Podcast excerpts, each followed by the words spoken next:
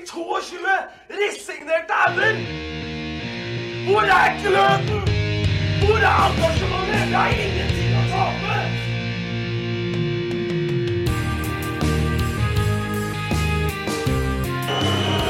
Ja, forlenges tid mot Martin Ramsland. Skal du sette etter? Og så gjør han det!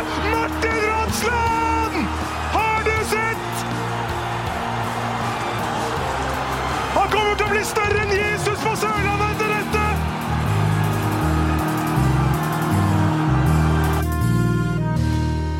Velkommen til Start en pod, eh, og da har vi kommet til episode nummer, Tom Iversen. Nummer 16. Nummer 16. Hvem har, har drakt nummer 16 på start i år? Oi, jeg var mye bedre på å pugge sånn før. Og Lars Jeg, jeg, jeg, Benestad jeg, skal deg, jeg skal gi deg litt betenkningstid på den. ja, Lars Benestad ser veldig tvilende ut der borte. Uh, Ndong. Jeg vet, Jeg, jeg prøver å finne det. Ja, god start. svakt, ja, dette er svakt. Dette er god radio, som Ja, du bruker å si. radio. Vi, vi går videre. Si, Men, eh, si hei til meg, da. Ja, hei, hei Lars. Eh, hvordan går det med deg? Jo, det går bra. Spør om det er livepod, da. Er det livepod? Ja, det er det. Ja, når? det. Nei, det er livepod nå, igjen. Nok en gang har vi altså livepod. ja, Eh, så dette er jo eh, andre gang vi har livepod på de 16 episodene, så det nærmer seg verdensrekord. Hva er din definisjon av en livepod, egentlig? At vi spiller ute blant folk, Ja, og det gjør vi. Så her ja, er det jo magneten igjen. nok en Men det er ikke folk. Nok en gang null tilskuere, da. Ja, ja. Men eh, da vet dere i hvert fall det, at det er eh, Vi kjører Men vi har folk. Vi har gjest i dag. I dag kommer eh, Obos-oraklet Amund Lutnes. Ja. så og så vil jeg bare beklage på forhånd hvis jeg er litt eh, blir litt mye rot fra meg, da. Ja. For jeg gikk jo på en koronasmell nå i friuka mi her forleden. Mm. Eh, så jeg har brain fog. Eh, Det, men det betyr at alle i panelet her da har, Har prøvd seg på. har prøvd seg på den der coviden. Ja, jeg tror nettopp. jeg har fått det mildest sånn sett, men jeg kjenner at det sitter noe jæklig i. Ja, jeg skjønner. Så jeg beklager på forhånd alt rør, og så går vi videre til Så er det ingen eh, i Start som har drakt nummer 16, så er Starten Pod tar drakt nummer 16. Ja, det gjør vi. gjør det. Eh, Laget 16. mann med en god innbytter. Ja. Og så har vi fått ølpenger. Ja, det har vi. Ja, jeg kan begynne med de jeg har her. En stor takk til Espen Frøvold og Ronny Aas for sine bidrag. Oi, Love you. tusen takk. Ja. Tusen takk. Ja, jeg vil også takke Jørgen Sømme. Tusen takk. Oi, takk, Oi, oi, oi. Og Vegard Rislå, som både heier på eh, Rygene og Nøgne Ø. Han har, ja, han har gitt en god slump. Ja, tusen, tusen takk. Shit, det ble mye øl i dag, Ja. Dennis. Joakim eh, Haugnes han har gitt for, eh, fortrinnsvis til CV, men også gitt en god eh, slump. La meg tippe, er det han som var russepresident når Gimse var russ? Jeg lurer på det. Ja, det kan stemme, det. Ja, ja. Og så er det faktisk kommet en liten Det er to, to, to eh, givere til. Den ene kommer vi tilbake til seinere. Eh, men eh, den andre, det er altså en liten pikk av en fyr. Oi sann. Ja, Even Weinseth han har vippsa syv kroner. Han har vippsa én krone for hvert mål Start slapp inn mot Jerv i fjor. Han der eh, orka ikke jeg på Twitter, så han måtte jeg skjule. Ja, det er sant. Eh, og, men jeg glemte én ting. For etter forrige episode så fikk, eh, fikk jeg en vips fra sjølveste Skisland. Ja, og du gjorde det, ja? Ja, Ja. Ole Magnus nye styrelederen vår. Her kommer smøring, alternativt tre cola for bra pod. Ja, Ja, det veldig flott. Vi Ja. Fortsett med dette. Ja, Fortsett med Jeg dette. beklager at jeg kalte deg en pikk, altså, men eh, det er Jerv som er pikken. Bare sånn at jeg klarer det, ikke du. Det er så, så fet skal vi være. Vi har spilt 1-1 mot Grorud, gutter. Ja, Ja. fy fader. Og der var det mye rør! Ja, jeg så Men den. jeg har skjønt at den konkurrerende podden vår kommer oss i forkjøpet og tatt analysen. Ja, Så- og der, det kommer vi tilbake til i, i ukas uh, Heidebleik, faktisk. Å, gjør vi det, ja? Som vi, som vi gidder egentlig ikke å snakke så Nei, mye om i kampen. det. Det er litt sånn nedtur nå. Men vi kan, ja, for at vi kan snakke litt om følelsen vi har, da. Og det er jo en slags anspenthet eh, over hvordan det skal gå denne sesongen. Det merker jeg at, at jeg har, og flere andre som er opptatt av Start, begynner å sånn Åh, åh, hva er det som skjer nå? For en måned siden så var vi verdensmestere, ifølge det. Lars Ja, hadde vi vært bergensere da, så hadde vi sunget 'Gullet skal hjem' hele dagen. Ja, eh, jeg tviholder på eh, et ønske om at det er covid som har gjort at aggressiviteten og lysten til å spille fotball er borte. Ja. Jeg håper det er det. Ja, den, han fikk vi jo før Sandnes Ulf-kampen, den der covid-kjøret. Ja. Og jeg tror at det kan være det, og jeg tror at med litt sånne grep eh, hvor man eh, hviler seg litt i form og spiller litt eh, Xbox? ja, spiller litt ball. Jeg vet ikke, så, så kan det løse seg. Og så tror jeg at kampen mot Mjøndalen ja, da må det se Kampen ned mot Mjøndalen. Ja, Vi skal jo spille to kamper samme dag. Ja, stemmer det. Det var med etter hvert lag. Nei, men på vegne av de covid-syke så er jeg enig i at det er grunnen til at det er dårlig. Jeg håper det. Jeg håper det. Ja.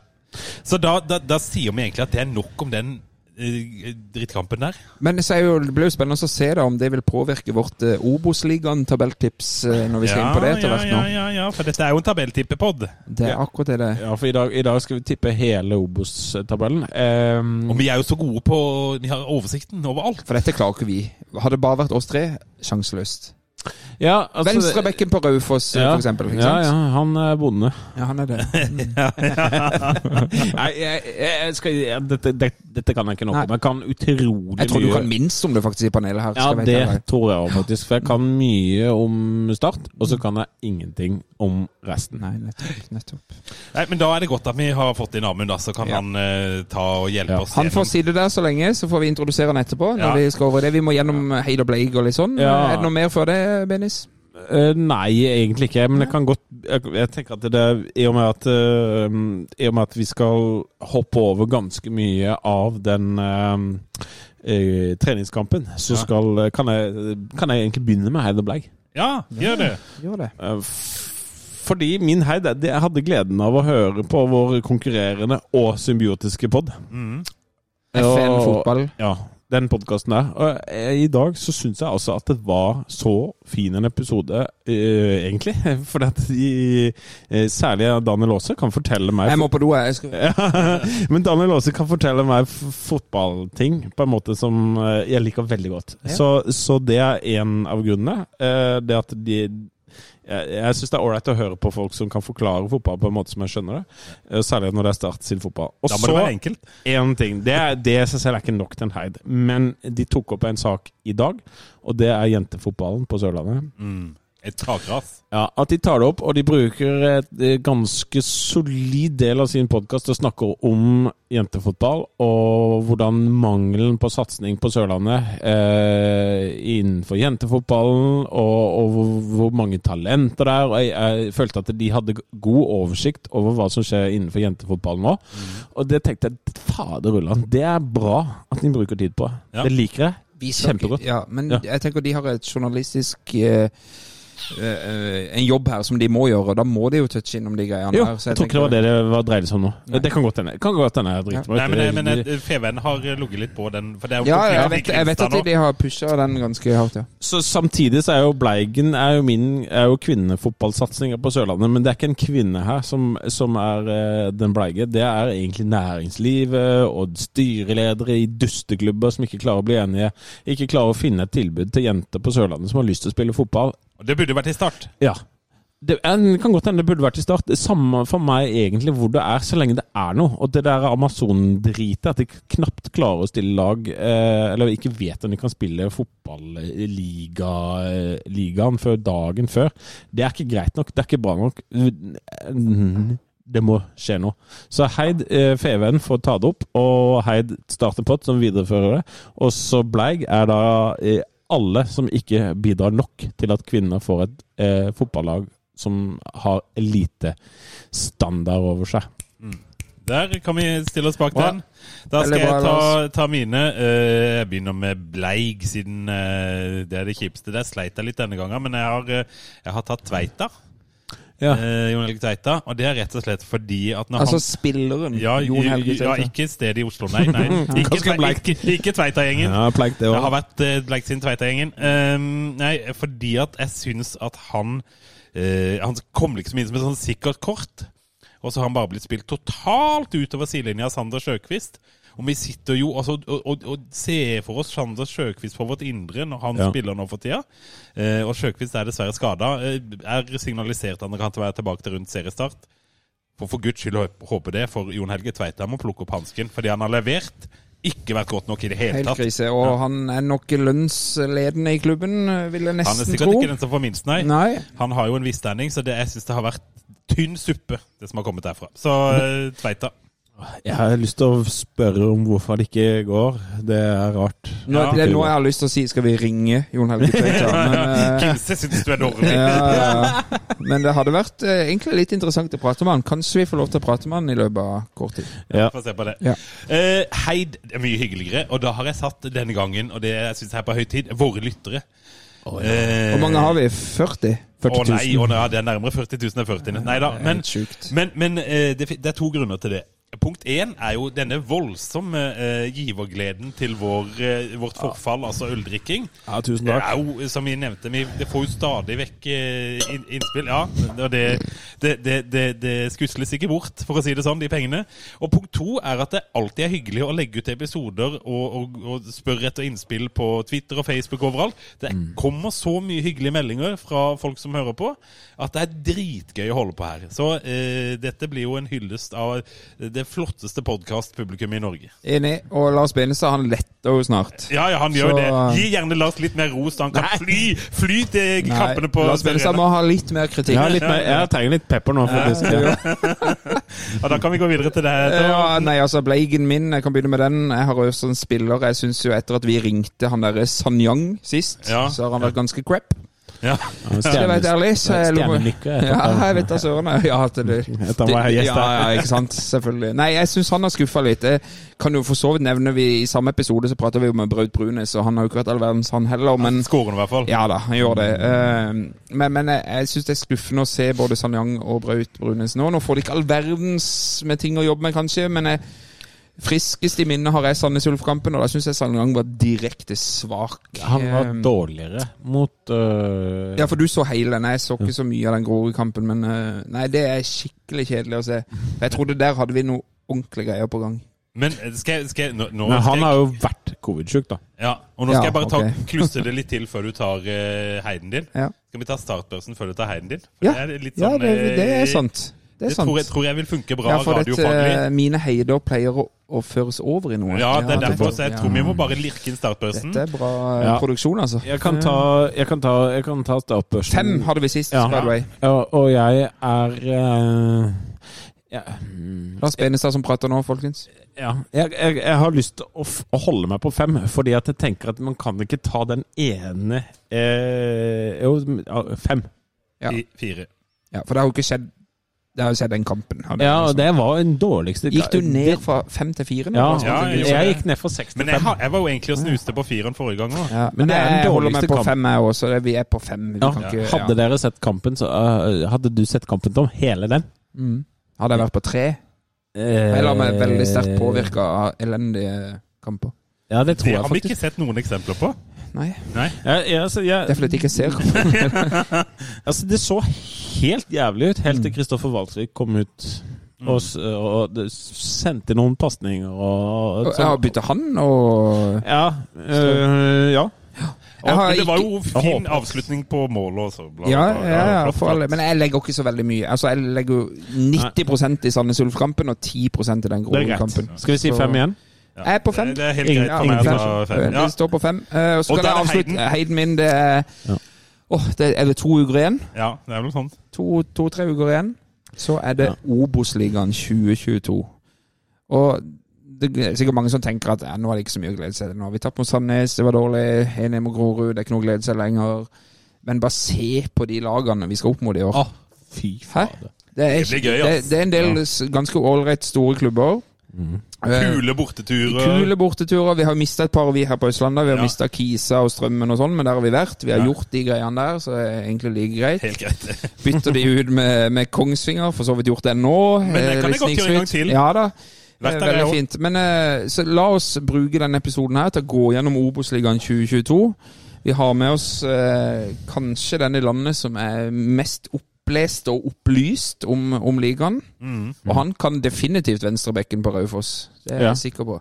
Så eh, min heid er Obos-ligaen. Ja, det stiller jeg meg bak. eh, Og jeg gleder meg. Eh, og jeg tenker hvis eh, Start først skal være i Obos-ligaen, så er det et fint år å være i Obos-ligaen. Ja, men det blir jækla tøft å rykke opp, da. Det gjør det. Men nå får vi se hva vi tipper, da. Ja. Da tar vi han inn. Ja, vi gjør det. Å, du skal ha Ja, ja, ja, okay, ja, ja, Ja, ja, ja, ja, ja, ja. er der. Nei, men da tar vi inn Amund, Ja, da. vi gjør det. kampen, for å si det mildt. Fredriksen. Gundersen videre til Raymond Hofsæter. Kom igjen nå, gutt!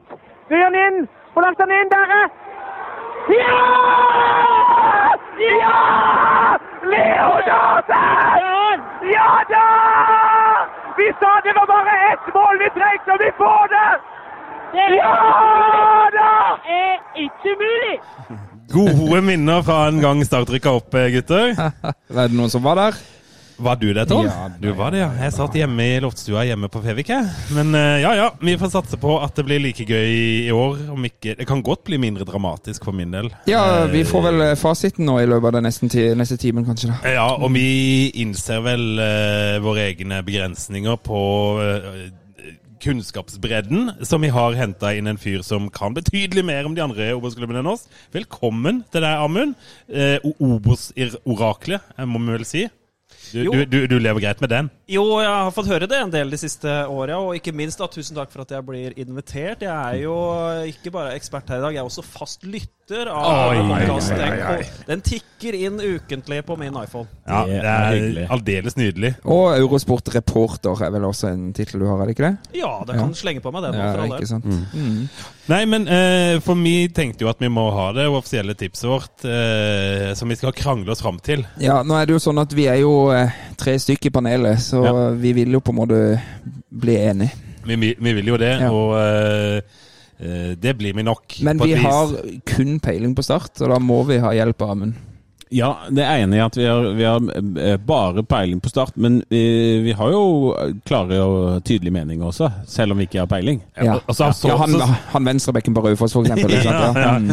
Nei, men vi har jo sett Obos litt mye de siste Ja, åra, ja. Eh, så eh, litt skal vi klare. Litt skal vi klare. Men vi begynner i bånn, gjør vi ikke det? Jo, vi må, ha, vi må sette 16.-plass. Ja. Eh, jeg har jo lagt med mitt eget tips, som jeg vil hive inn her i eh, på, på de forskjellige plasseringene. Jeg hiver inn Grorud allerede på 16.-plass. Ja, De som nettopp var bedre enn Start. Ja, men det er veldig mange bedre enn Start, så Start på 17., da. Ja. Eh, Nei, altså jeg tror Grorud havner sist. Det er vel på tida at den breddeklubben der eh, ned. Og nå var du slem. Det er- Ja, jeg gjorde det. det er jo, altså, har Hadde vært på Grorud og sett kamp? Nei, det har jeg faktisk Nei. ikke fått gjort ennå. Det er jo første runde i NM-kamp. Ja, på en ja, Som veldig mange Obos-kamper er for eh, en Start-supporter. ja. Men, uh, Hva, hva, hva tenker dere? Jeg hiver inn Grorud. Ja. men uh, hva tenker du om Grorud i år, Amund?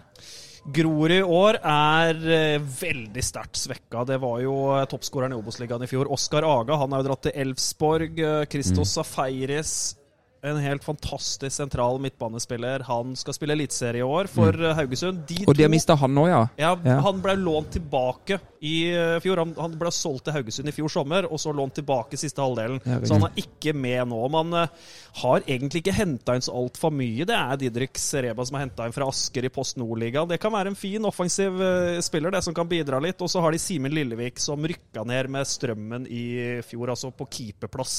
Mm. Det er stort sett det de har gjort. Og mister Oskar Aga, altså det er jo mannen som omtrent bærte det laget der på sine altså. to skuldre. En helt fantastisk spiss. spiss.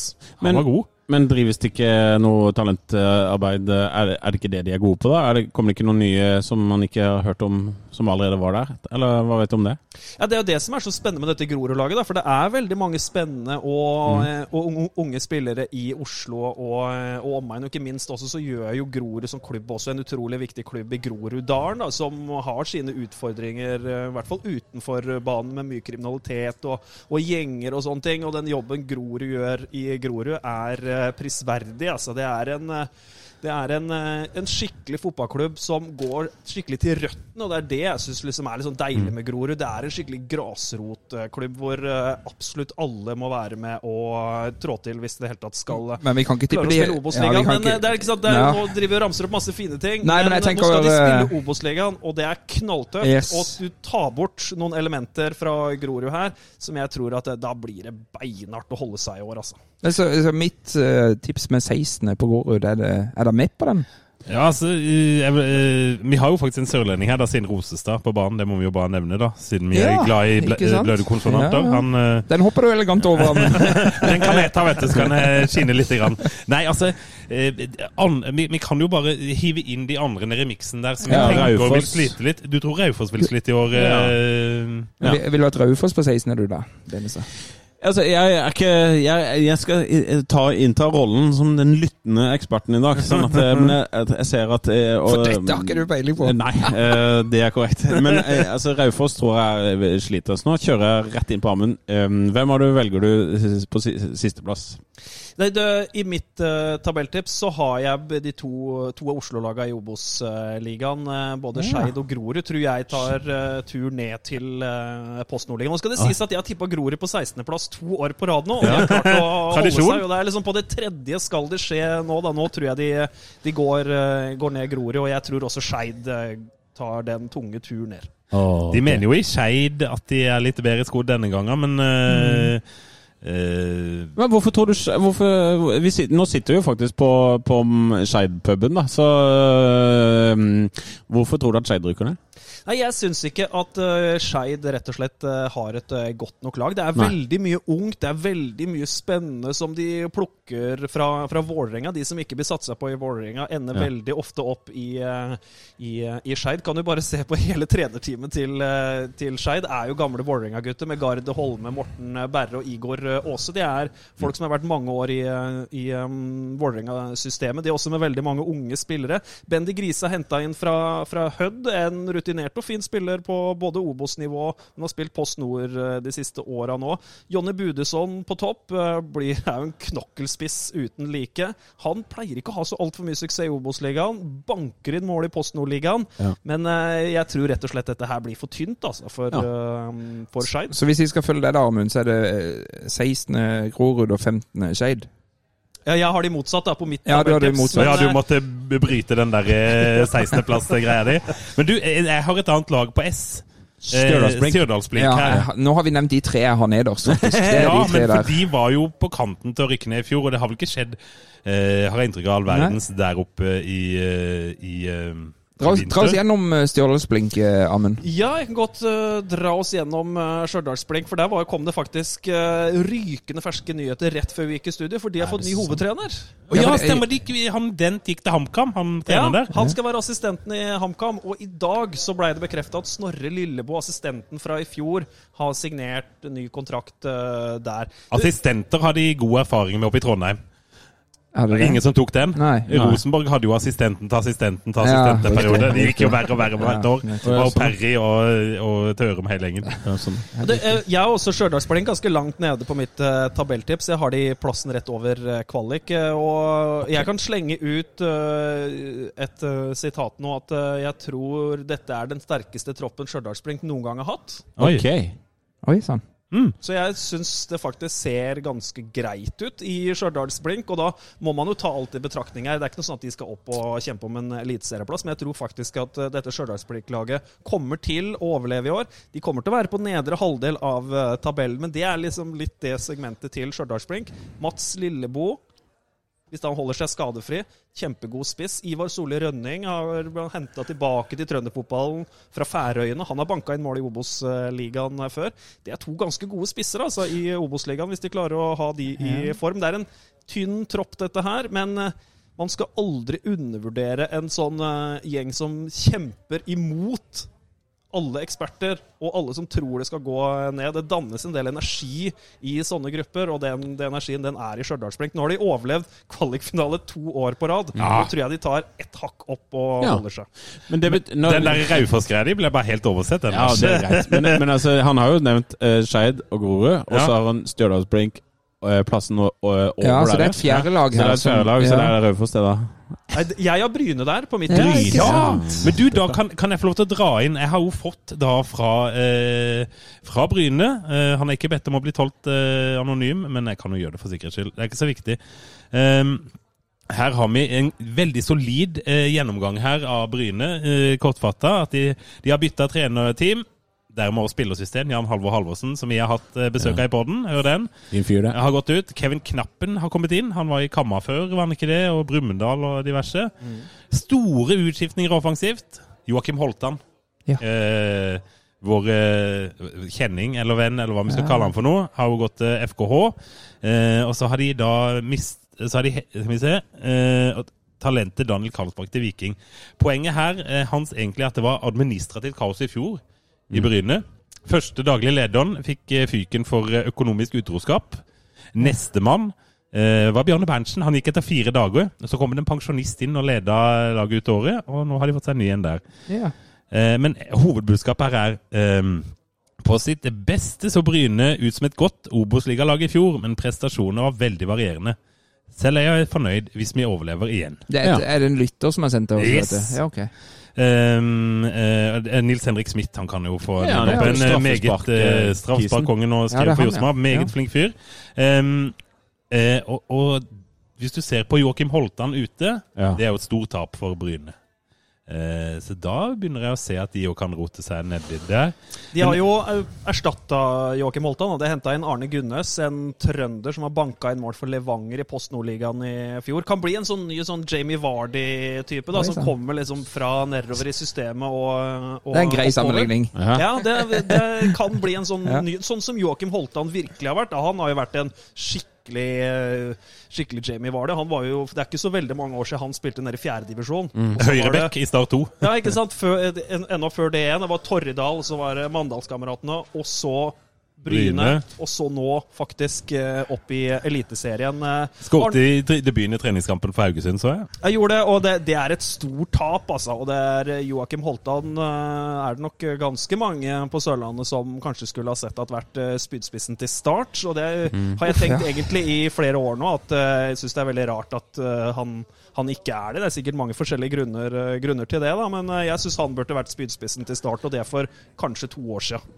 Men jeg, jeg føler egentlig at vi har her et, et firkløver med lag som vi vil ha På de fire nederste. på de fire nederste. Ja. Har vi ikke det, egentlig? Eller ikke Ben han ville ha Raufoss. Ja, men jeg tror han blir, jeg tror han blir nedstemt Ja, det er ganske kraftig. Ja, nei, men jeg, vet, du, jeg har lyst til å banke gjennom en Starten pod-tabelltips. Ja, det må vi gjøre. Så jeg bare, kan jeg skrive Grorud sist? Er vi, er vi enige vi tre om det? Ja, og når, når han minner oss på at Oskar Aga og Sefeiris er ut, Ja. det tror jeg ikke de klarer å hente fra bredden i Oslo, så det blir Grorud. Men jeg vil ikke ha Skeid på nest siste plass. Vi kan godt ta blink. Jeg har blink på nest siste. Ja, så- men det, det er jeg med på. Og eh, jeg, har en, jeg har, jeg tenker litt motsatt på det av Amund. Når du har overlevd eh, på kvalik to år på rad, da går du ofte ned. Eh, når du liksom har klart deg sånn på hengende kusehåret, da går det som regel galt. Eh, Fredrikstad prøvde det eh, blant annet, og det gikk galt til slutt. Nettopp. Blink. Så da er det blink, og så er det Skeid på 14.-plass, da.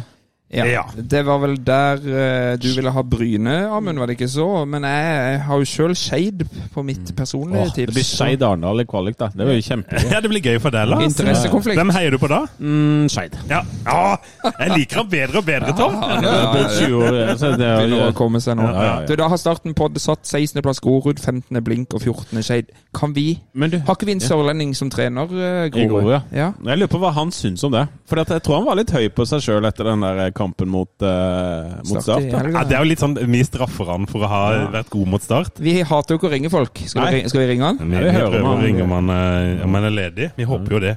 Sørlendinger må jo ta telefonen. og sørlendinger Hva heter han, Gimse? Johan Jevnes Nilsen. Opp, ja. Vi må bare se om det begynner å ringe her. Den er fått litt treig. Der kommer det, vet du. I et øre. Ja, ja, ja. Men det fikser vi etterpå. Midt, midt i noe legging av unger, som vanlig. Hei, det er Johan. Hei, Johan. Det er Start en pod som ringer. Hei, du. Hei. Eller dere er jo mer riktig. Ja, det er dere, og vi har jo med oss selveste Obos-eksperten Amund uh, Lutnes her òg. Ja, selveste Amund er med. Ja, selveste Amund er med. Um, du, vi ringer deg for vi setter opp eh, dette tabelltipset. Uh, og etter Ja. litt ukvalifisert synsing så har panelet landa på at uh, det blir nedrykk på Grorud. Det ble sisteplass på Grorud, dessverre. Sisteplass, det var jo sjokkerende at Amund har endt der enda en gang. Det var ikke Amund, det var oss. Amund, Ja, ja. Amund ville ha det på 15., han. Ja, han ville ha Stjørdalsblink bak oss, han kanskje. Det... Ja, så dere har plassert oss der. Det var ikke overraskende, det heller. Det...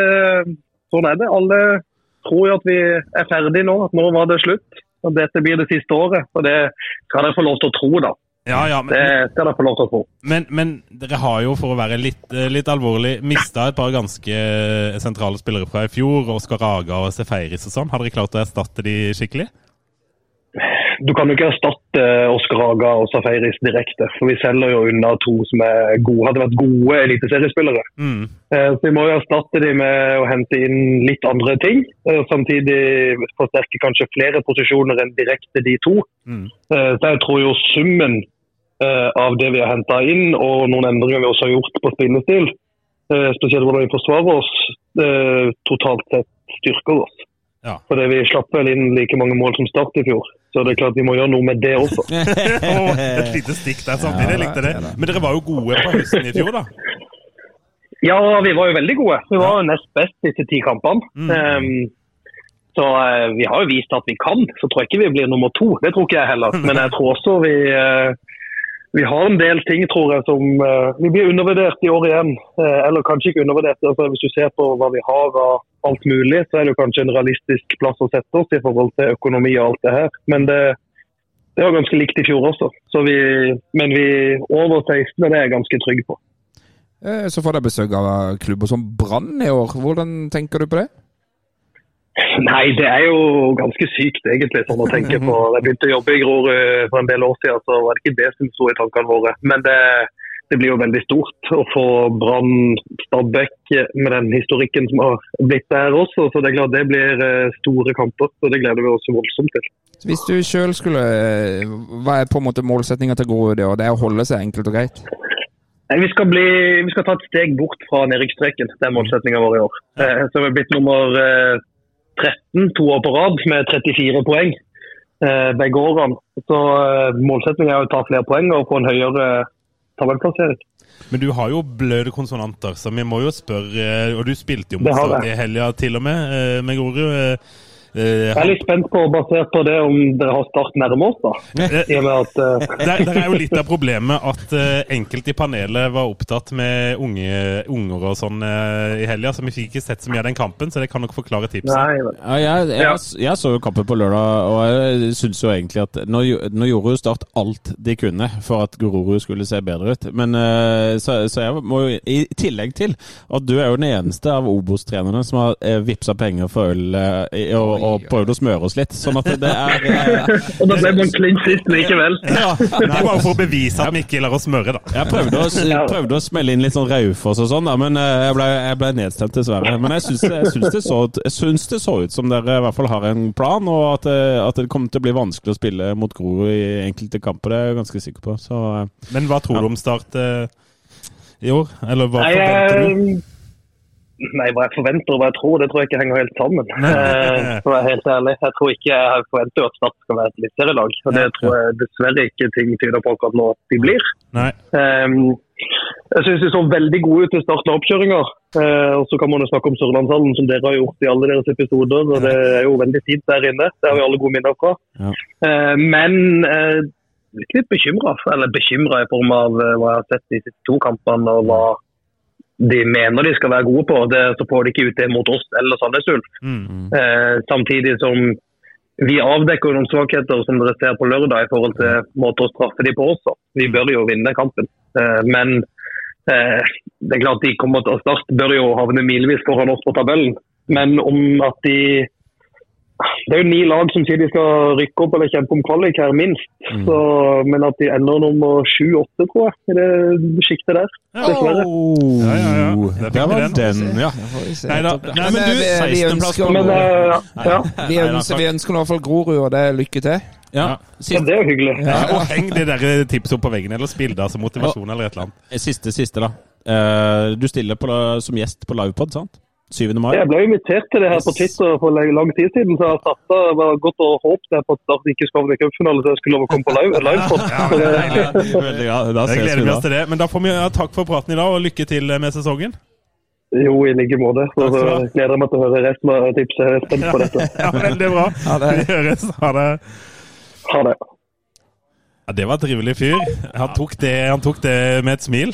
Ja da. Ja, da. Tenk at han satt Ja ja, vi får se. Det er greit å Jeg tror ikke jeg, tror ikke jeg hadde fått med meg, med, med meg at han hadde smurt oss en gang. Nei, ikke heller. Nei, Så nå er jeg spart- jo med en gang. Ja, jeg, sparte, jeg sparte det. Tenkte jeg, nå skal jeg se, er se hvordan dere Ja. driter dere ut. Når, når vi faktisk har Men greit, gutter. Nå har vi brukt eh, 20 minutter på de tre nederste plassene. Det kan bli lang på det her. Ja, ja, ja, men det er ikke så Eh, farlig. Men hvis vi skal opp på 13. nå Nå er vi jo inne på eh, Et lag som kommer til å svette litt i høst. Det, men- er det nå vi skal ha Bryne, Amund? Ja, det kan vel eh, være et uh, greit lag å sette inn. Var det på 13. På 13. Ja, Jeg jeg- trodde vi hadde satt Bryne på 13 allerede. Ja, jeg tror vi hadde det. Ja, har vi det? Skal vi bare gjøre det? Jeg har jo ikke de på 13. Uh, hvis dere er interessert i hva jeg har på 13., så er det Ikke interessert. Nei. Men det, det skal jo sies at sånn som uh, Lars Martin var inne på, da, det har vært veldig mye utenomsportslige greier i Bryne de siste åra. Altså. Og ikke minst i fjor også så var det veldig misnøye blant supporterne da Even Sehl, assistenttreneren til Jan Halvor Halvorsen, ikke ble ny eh, hovedtrener. Ja, stemmer, det var Kevin, ja, så Kevin Knappen kommer jo på en måte inn litt på minussida, da. Og det er jo det er ikke så veldig lett å komme inn i en sånn klubb når alle andre vil ha en annen. Men Kevin Knappen er en flink fyr, og han eh, holdt på å rykke opp med Hødd i fjor. Får også med seg Mikkel Bjørnstad, som eh, han hadde som assistent i eh, i Hødd. Han har også vært i analyseteam bl.a. i Arendal fotball, så er det også nevnt. Det er en fotballfaglig duo, det der, altså, som har rykka opp eh, flere ganger. eh, ikke duoen, men eh, Kevin Knappen. Han har ganske gode resultater tidligere, altså, så jeg tror Bryne skal slite, men jeg tror de kanskje kommer til å overleve sånn så vidt. Det, ja, det For du hadde de på kvalik, egentlig, du? ja, Ja. Det kommer til å bli pottetett nede i bunnen der. Jeg ser ikke noe sånn skikkelig dumpekandidat som kommer til å ende med syv poeng på slutt eh, på, på, på sisteplassen her. Altså, jeg tror det er en fire-fem lag som kommer til å knive ned i bånn Og, og det femte laget, da. Da kan vi bare hive det inn i miksen her. Ja. KFUM Oslo. Nei, Nei, jeg tror ikke de kommer så okay. lavt, altså. Ja, det, er litt, det er litt lavt, tenkte jeg. Jeg Ja, har jo eh, rett, rett over der så har, jeg, så har jeg et lag som Åsane, som ikke Ja, jeg har ja, noe, her, eh, som ikke har noe spesielt tro på i år i det hele tatt. Hvorfor ikke det? Nei, jeg skjønner ikke helt uh, tankegangen til klubben eh, med Kåre Ingebrigtsen inn som sportssjef Mm. der, og så henter eh, Morten Gams Pedersen på 40 år Ja, til Åsane. det. Det. går jo totalt imot alt, hele det den klubben der egentlig står for, som er en eh, Åsane kan man for så vidt også si er en Mm. slags sånn typisk sånn, sånn breddeklubb. Det er en kjempestor klubb, Åsane, fra en kjempestor bydel, Mm. som stort sett har plukka opp det Brann ikke har hatt uh, bruk for, og, og flere andre talenter også i bergensområdet. Men uh, det det er litt flatt batteri. Men det er ny, borte, altså. stadion og Ja, det er jo noe dritt. Ja, det er noe dritt, altså. Jeg, jeg Ja, fin, fin den, altså. Men eh, jeg syns ikke Jeg, jeg syns det er for mange spørsmålstegn rundt dette Men det Gamsten Åsane-laget. kommer jo til å skru inn tre-fire hjørnespark. ja, men i men så de er 20 litt- minuttene han holder Men så er det litt sånn med tempo er han, eh, han er, har en ganske naiv spillestil på midten her. Kan fort hende det blir en del stygge balltap. og Håkon Lorentzen vært ute kjempelenge. Han var Ja, det er han er tidligere Brann-spissen, er det ikke det? Han talentet som var i Brann? Det er han som var tidenes yngste målskårer før Martin Ødegaard ble det. Ja. Ja. Men det var for Brann en gang i tida. Ja, for. Brann, ja. ja. Mm. Uh, og Men Åsane på tolvte, da? Gimse og Ja, Benestad? jeg er helt jeg, ble, jeg, tenker også det. At Åsane Du tenker det etter å ha hørt analysen, men hva tipper du på forhånd? Eh, Ja, jeg vil også ha Åsane langt nede. Men, men jeg kan jo godt, jeg kan jo godt hive inn noen lag i miksen. Ja, Kongsvinger er i den miksen. Ja, det tenker jeg Koffa Koffa i den miksen. Nei, men- Koffa er mye høyere. Men Kongsvinger, der har jeg fått uh, leserinns- eller lytterinnspill. Eller Ja. i hvert fall en som følger meg på Twitter. Hva, hvilken klubb er vi på nå? Nå er Kongsvinger? vi på Kongsvinger, Ja, okay, skjønner For du. at den er i miksen der nede. Ja, nå, er vi, og nå er vi liksom På tolvteplass Ja, Men det, det som er veldig interessant med den miksen som vi er inne i nå Nå Ja. er vi jo inne i disse klubbene som kommer til å variere mellom opprykkskvalik Ja. og nedrykkskvalik. Ja. Hele sesongen så kommer det til å være Får du to seire på rad i det segmentet der, da er man plutselig oppe og slikker på 16.-plassen. Og to tap, da er man plutselig nesten nede på rødt. Ja, men det er, det er, for her er det jo Og det fine med, med her, er Det var veldig lang denne på Kongsvinger, så jeg gidder ikke gå gjennom hele. Er det nok en lytter som har sendt oss noe greier? Ja, det er en som eh, Jeg vet ja, om han lytter, det vet jeg ikke, men han sendte i hvert fall dette til meg. Ja, da, etterlyste Ja, på Twitter. hyggelig, hyggelig. Sebastian Sørli, takk skal du ha. Eh, han, han skriver at de var elendige til å begynne med eh, på vinteren, men at de har heva seg litt eh, etter hvert. Har slitt litt med skader og sånn. Eh, og så må vi jo nevne en mann som han nå altså, De så bra ut i Raufoss-kampen før de møtte Viking. Vikingkampen var veldig bra før det var en liten down eh, etter det igjen. Eh, så de er litt sånn eh, Litt usikre på hvor de står, men de har jo Adam Gyven på topp, Ja, men det var det jeg skulle spørre om. Han er fremdeles Han er going strong, Amund, er han ikke det? Ja, og skåra ganske mye mål i fjor også i uh, Post Nord-ligaen, så Obos-kongen, han uh, skal Men- vi absolutt ikke undervurdere. Han Adam er 7, 47 eller noe nå, eller? Han er jo Han begynner å nærme seg, i hvert fall. Og det, der har du en spiller med en eh, helt enorm eh, ja, tilstedeværelse og X-faktor, og det Han skårer masse mot Start, han jævelen der. Ja, Start og Sandnes Ulf. Spesielt Sandnes Ja, Ulf. men Sandnes Ulf er jo bare startspillere, så det er ikke så rart. Men uh, OK eh, Men han mente at eh, Elvon her så, det han sa var at Elvon så god ut, eh, og at, eh, og at eh, de har fått en bra keeper som heter Strømberg fra Sverige. Ja. Eh, Henta han i, han i fjor, og dette Kongsvinger-laget drev jo som et Obos-ligalag i fjor, i Post Nord-ligaen. Ja. Så det toget liksom bare tøffer og de, videre de rykka vel opp Ok. ganske sånn solid, gjorde de ikke det? Veldig solid. Ja. okay. da lukter det mid-table, Ja. syns jeg det lukter. Ja, ja, på De det. hiver ikke de inn på tolvte, tror Nei, jeg. de gjør ikke de gjør ikke det. Nei. Nei. Men da Eh, Men jeg har et lag til som jeg vil hive hive inn i miksen, da. Ja. Ranheim. Ja. For de har ikke jeg noe troa på i år i det hele tatt. Altså, jeg, nå, nå Det er kult, for da må Amund inn med ekspertise. Er Ranheims tid over? ja, det tror jeg. Ja. Ja, eller eh, Jeg syns det er flatt batteri, dette Ranheim-laget. Altså. Slo Rosenborg, da? Det var, eh, ja, de slo, Alle de gjør slo jo det nå tida, Rosenborg. Men det, det der å drive og legge altfor mye i disse treningskampene, det eh, blir jeg, jeg, jeg blir helt gæren av de treningskampene. Og det, det bikker jo fra helg til helg med, med disse treningskampene og kvaliteten og hva de stiller med og hva de prøver på. Så det er ikke alltid så lett å få så mye ut av disse treningskampene. Men det er et Ranheim-lag som har hatt stort sett den samme gjengen nå som rykka ned fra Eliteserien. Det er masse kvalitet i dette laget. her I Mats Reginiussen, Erik Tønne, eh, Eggen Rismark, Daniel Kvande. Ikke sant? Det er mange spillere med lang erfaring, men som liksom begynner å nå en sånn tidspunkt av karrieren at måte, den er på hell. da. Det er ikke så eh, mye sprut igjen der. Det er, det er, det er kvalitetsspillere, men ikke på så altfor høyt nivå lenger, tror jeg. Det er en eh, Det ble et trenerbytte i fjor. eh, Hugo Pereira som kom eh, inn i klubben sånn midtveis i sesongen etter at man ga fyken til Svein Målen, og da syns jeg ikke det Jeg synes ikke de fikk kickstarta det trenerbyttet egentlig noe i det hele tatt, ja. Og det er jeg tror ikke Ranheim rykker ned i år, men jeg tror nok det kommer til å bli kanskje en litt sånn à la sesong, sånn som Start hadde i, hadde i fjor. da, Noe sånn rundt øh, 9., 10., 11.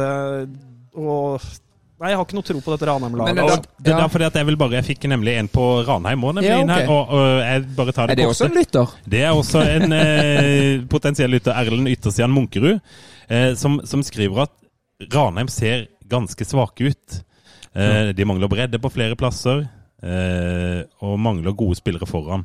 Carlsen er for dårlig form til å spille For han 90 er med igjen, minutter. han Mikke Carlsen. Ja da, han er Mikke Karlsen er med. Han signerte ny kontrakt rundt uh, julestider i fjor. sånn som Mats Reginussen alltid pleier å gjøre rundt jul, og signere fornya kontrakt. Gjorde han, uh, han også. Og det, Mikke Karlsen er jo spissen der, og alternativet er vel egentlig Vegard Erlien. Det står det her, og så står han her at uh, det er per nå vanskelig å se at Ranheim og, eh, over en sesong har nubbesjanse til å henge med på topp seks. Og dersom de i tillegg har tenkt å satse på Erlien og Lesnes, som er en annen han nevnte her, eh, er det bare å sette pengene på tolvteplass og nedover. Ja.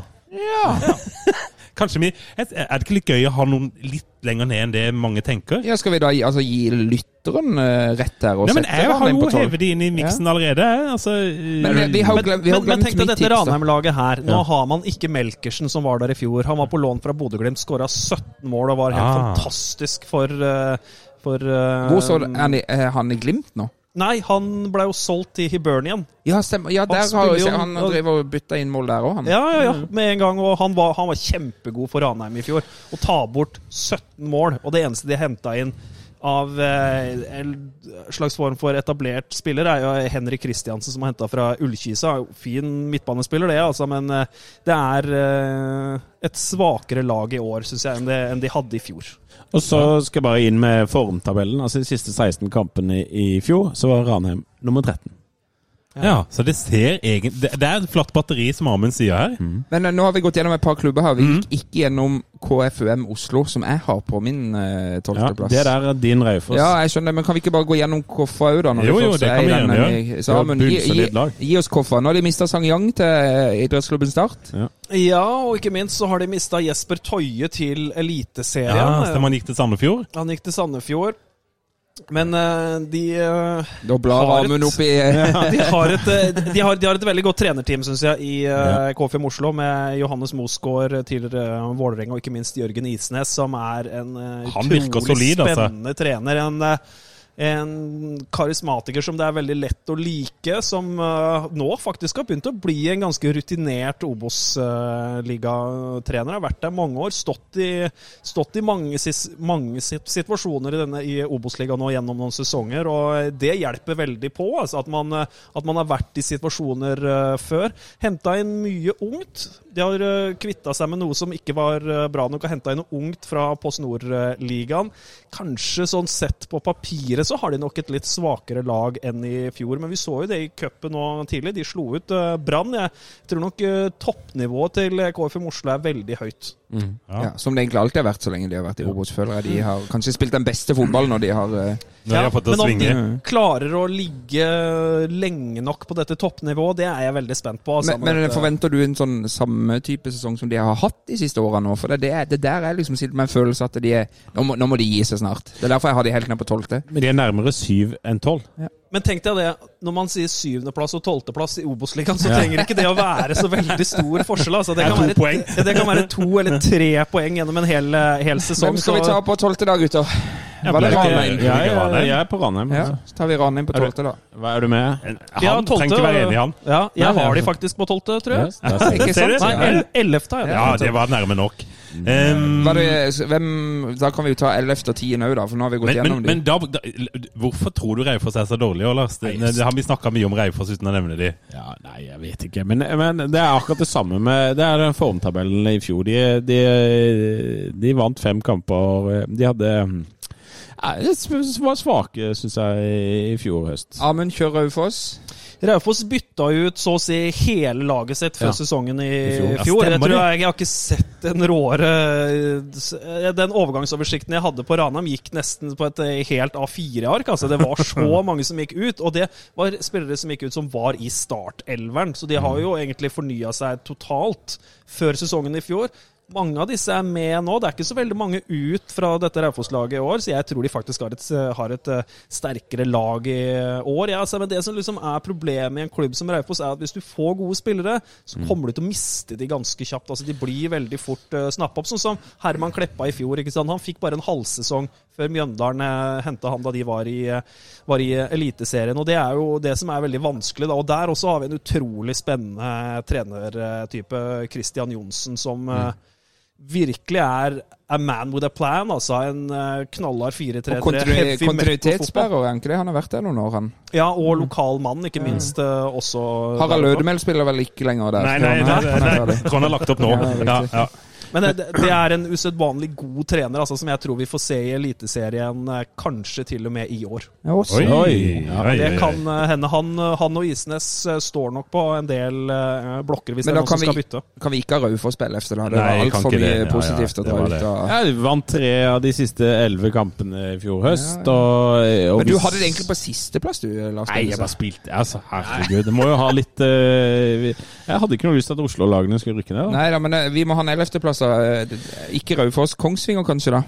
Hva tenker du om det, Amund? Ja, På 11. Ja. Ja, de er nok i det segmentet de skal ligge. Jeg har de på en, eh, på en niendeplass, så det er jo sånn cirka der det ligger. Sånn Og det er jo, som jeg vi har sagt, omtrent ingen forskjell på disse Da lagene legger jeg ned og vet om Kongsvinger på Ja, vi tar Kongsvinger på 11., og det tror jeg de blir fornøyd med på Gjemselund nå, hvis de klarer det. og Da, men da må Raufoss være på tiende.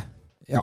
Men eh, legg merke til sånn som Kongsvinger, som eh, er en eh, veldig etablert uh, toppfotballklubb i, i Norge. Det var én sesong hvor de dumma seg skikkelig ut da de Ja. henta han finske Lekkosu, og så gikk det ned. Ja. Så det er, liksom, det er så små marginer i Obos-ligaen. Altså, du, se på Ullkisa i fjor. Mm. Hadde, hadde Kjelmeland fra starten av sesongen, og så ble det kluss, og han stakk.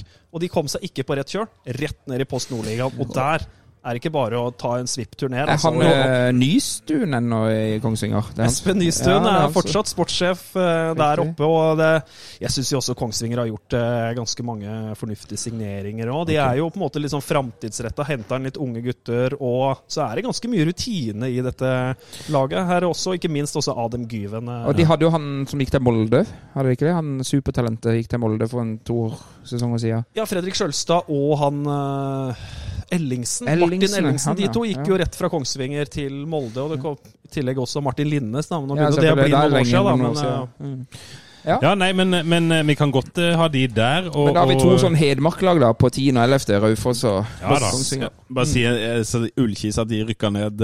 Det var vel Det er vel Covid hadde vel ganske mye årsak til Det var jo et treningsforbud for disse Viken-lagene. Alle de lagene som rykka ned for de to øverste divisjonene, fikk jo ikke trent i forsesongen. Var det ikke noe sånt? da? Jo, nei, det, det gjør det jo så klart ekstra vanskelig, og sånn som Sindre Kjelmeland kom inn der og egentlig forvandla hele klubben, og så blir alt det revet ned, og så bytter man en trener, og så funker ikke det, og så venter man litt for lenge kanskje med å gjøre en forandring der, og så gjør man den forandringen for seint.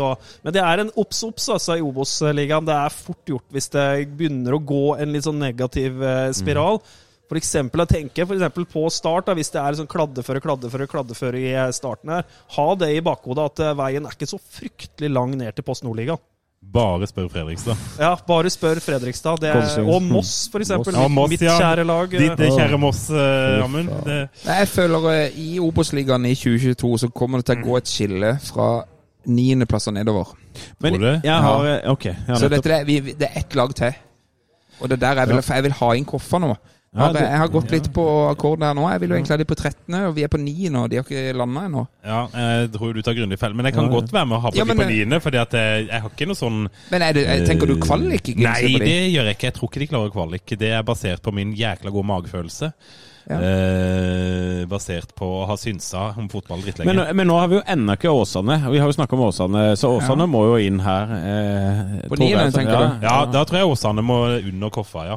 Ja. Ok, så da, da taper jeg, da. For da er Ja, du taper jo. Ja. Ja, ja. Ja. Da er det Åsane på niende, da. Hvor Ja. hadde du Åsane hen, Amund? Jeg eh, har de ned på Ja, tolvteplass. Ja, sant. Magnus. Men, men det, er jo, det er jo to, Jeg det er jo to poeng. på Åsane og Kongsvinger.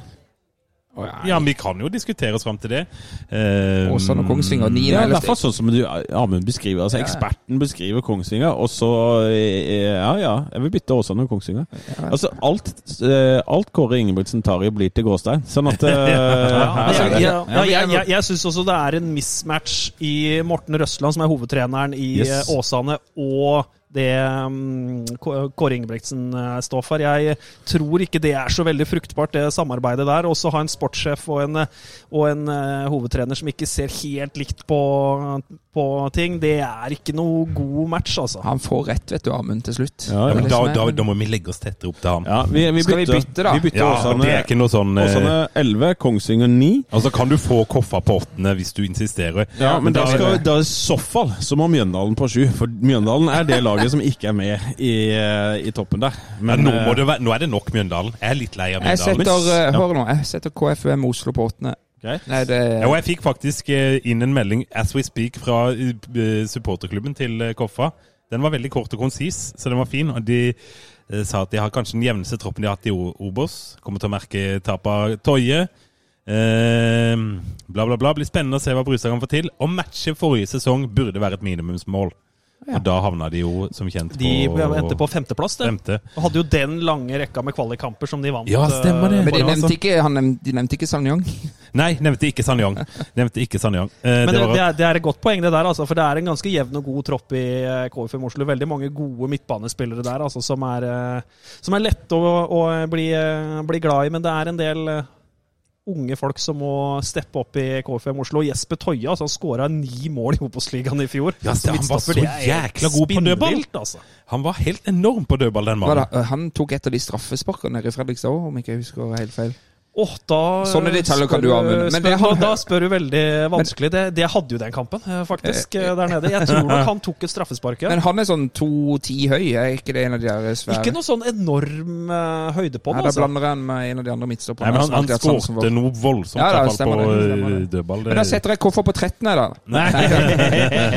Nei, Du skal få de, du skal få de på åttende, Ja. men alle som har hørt på, har hørt at det er du som har dratt ned i det. Kan vi her kjøre en jingle? Ja. Skal, du, skal du ha en jingle? Ja, vi Ta deg noen pølse, så må du treffe den. Skal, Pølser selges nå til halv pris. Altså pølser til halv pris ute i kiosken. nå vil Lars snakke om Mjøndalen.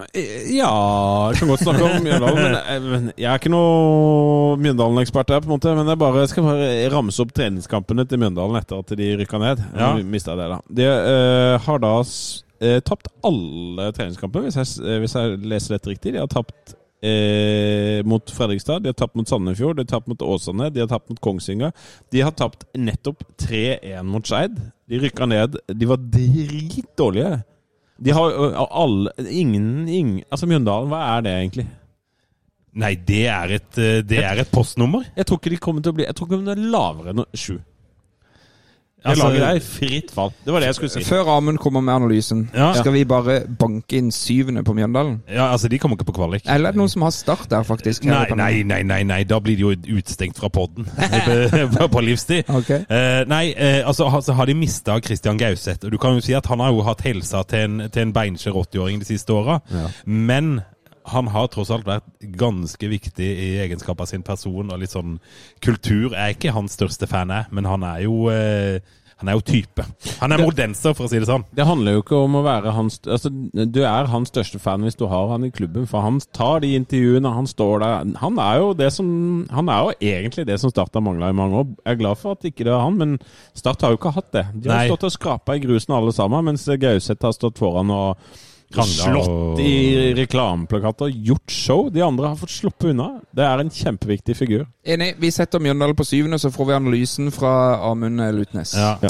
Ja, Mjøndalen har jo egentlig i veldig mange år vært en sånn slags sånn annerledesklubb, da, som Ja. viser at de små virkelig kan hamle opp med de store, etter at nå har de overlevd noen sesonger i Eliteserien før det gikk skikkelig ned i fjor. og ja, Greit nok, de endte på sisteplass, men eh, fader, det er mye jevne kamper de spilte med absolutt nesten alle laga i uh, Eliteserien. Skårer altså. lite mål. Ja, skårer lite mål, og det ja, Christian Gauseth ut, det er jo en markant skikkelse i klubbens eh, moderne historie, kan vi rett og slett si det. Vegard Hansen, og han har vært der siden 2006. Siden de var sykt, i, siden Ja. De var i tredjedivisjon, liksom. Skal han begynne igjen da å prøve å eh, krangle til seg disse tre poengene hver eneste helg i eh, Obos-ligaen? Han sleit jo så mange år i Obos-ligaen før man endelig gikk opp, og så gikk man ned, og så sleit man seg opp igjen. Skal man prøve et tredje forsøk nå på å gå opp i eh, opp i Eliteserien. Eh, Jeg ser ikke helt eh, det. altså Belly Målskred er uh, henta fra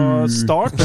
Jeg veit ikke om det er noe sånn klassesignering av dette, mm, av dette Mjøndalen-laget. Og ikke minst også en, for å være inne på start, og ikke minst er Isaac Twum. Mannen Start slapp til Mjøndalen eh, da de kniva sammen eh, i eh, i eh, bunnen av Eliteserien. Han kommer til å være bærebjelke på midten der, sammen med mm, Skistad.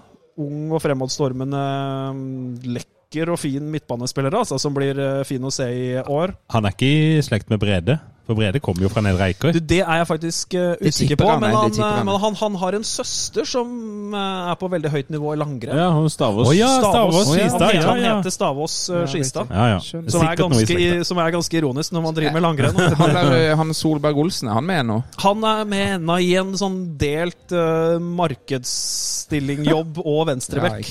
så han, han er fortsatt med, men jeg tror nok ikke han kommer til å være fast på Men jeg bare laget. tenker sånn, Min tanke rundt Mjøndalen eh, en, Jeg tenker enten så Jeg har jo satt de på syvende, da. Men eh, eh, kan det være en sånn Er det en mellomsesong for de, tenker du? Eller er det noen sjanse for at de faktisk bare havner helt nede i bunnen her? Nei, det tror jeg ikke. altså. Jeg tror nok de kommer til å være oppe og kjempe om de topp seks-plasseringene. Om det blir syvende, åttende, det, det kommer nok til å være så veldig tight i år uansett. Men jeg tror nok de kommer til å være, være der oppe og kjempe. Det er jo på en måte et Mjøndalen-lag som har bygd opp et eh, akademi da, opp gjennom noen år nå. Det er ganske mange unggutter som har fått proffkontrakter som, som vi kommer til å se der i år. Ganske En del unge spillere som kommer til å få prøve seg.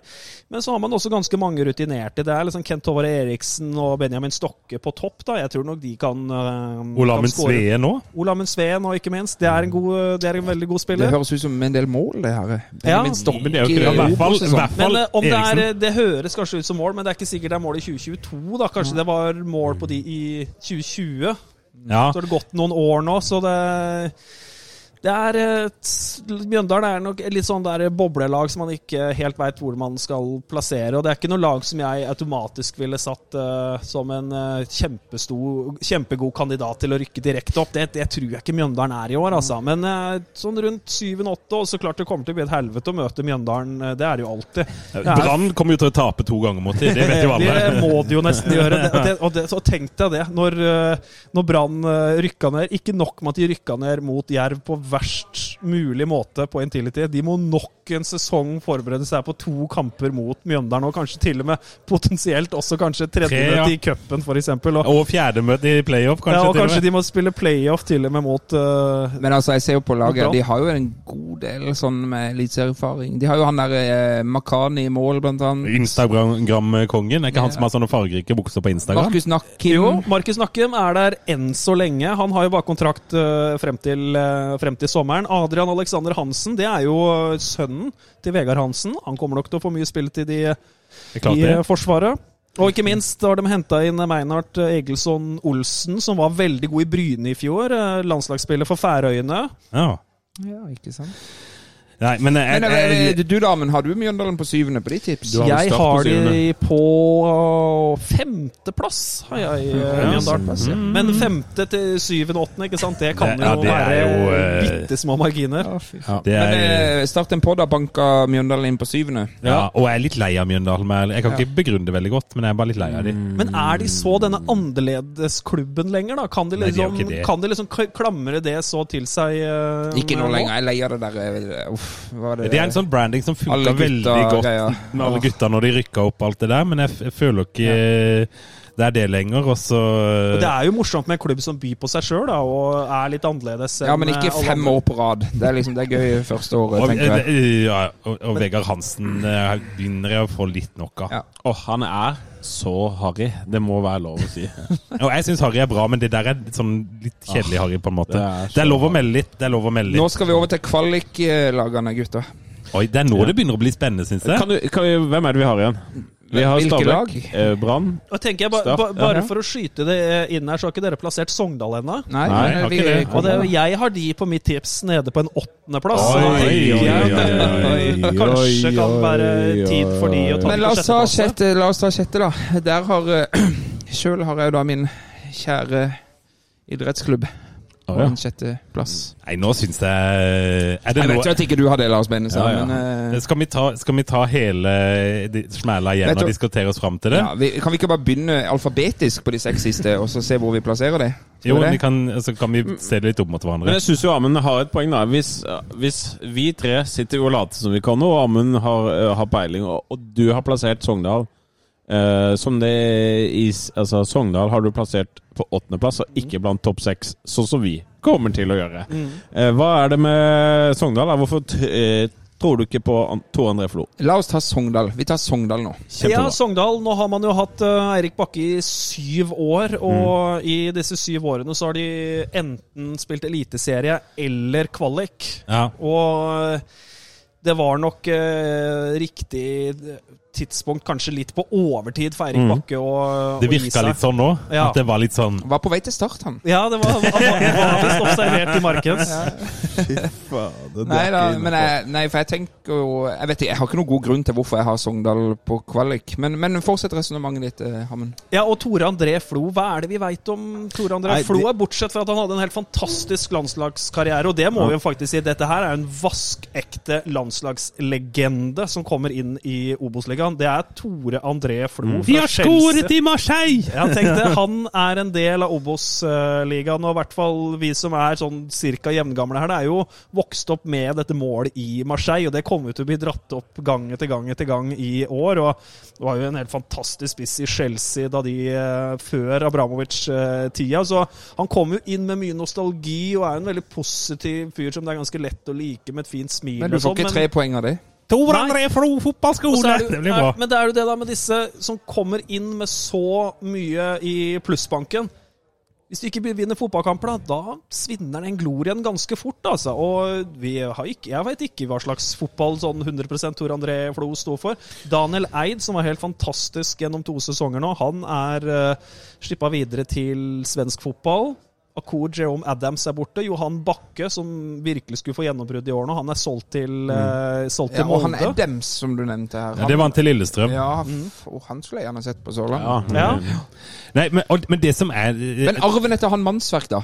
Altså, hvordan, De spilte vel halve sesongen i fjor uten han, gjorde de ikke det? Ja, og så henta de inn Emil Palsson, da, som dessverre Det var han som fikk hjerte- falt, ja, falt om der. Og så Ja. hadde man jo Skålevik på lån i fjor, og det var jo det var jo et, et Sogndal-lag som halta seg frem til denne sjetteplassen, og så røk mot eh, KFUM Oslo. Da var det liksom sånn at det, Da gikk liksom lufta ut av den ballongen i Sogndal. Så Sogndal begynner helt på nytt i år. Jeg tenker at dette her er en sånn skikkelig mellomsesong for Sogndal før de virkelig skal bygge seg opp igjen. Og det har jo på en måte liksom blitt sagt oppe i Saftbygda der at eh, man skal opp i Eliteserien. Men Ja. Sogndal er en bitte liten bygd eh, på Vestlandet. Det de driver med der borte, er egentlig totalt naturstridig. Men Og de burde har vært pensum for alle som skal i bygge klubb. 30 år, da. Ja, ikke sant? Så det, det de driver med der, eh, der oppe i, den, i Saftbygda, det burde liksom stått på pensum for alle som skal drive klubb. Altså. For at det, der er det veldig god klubbdrift. og Mannsverk er solgt, Johan Bakke er solgt, Daniel Eid er solgt.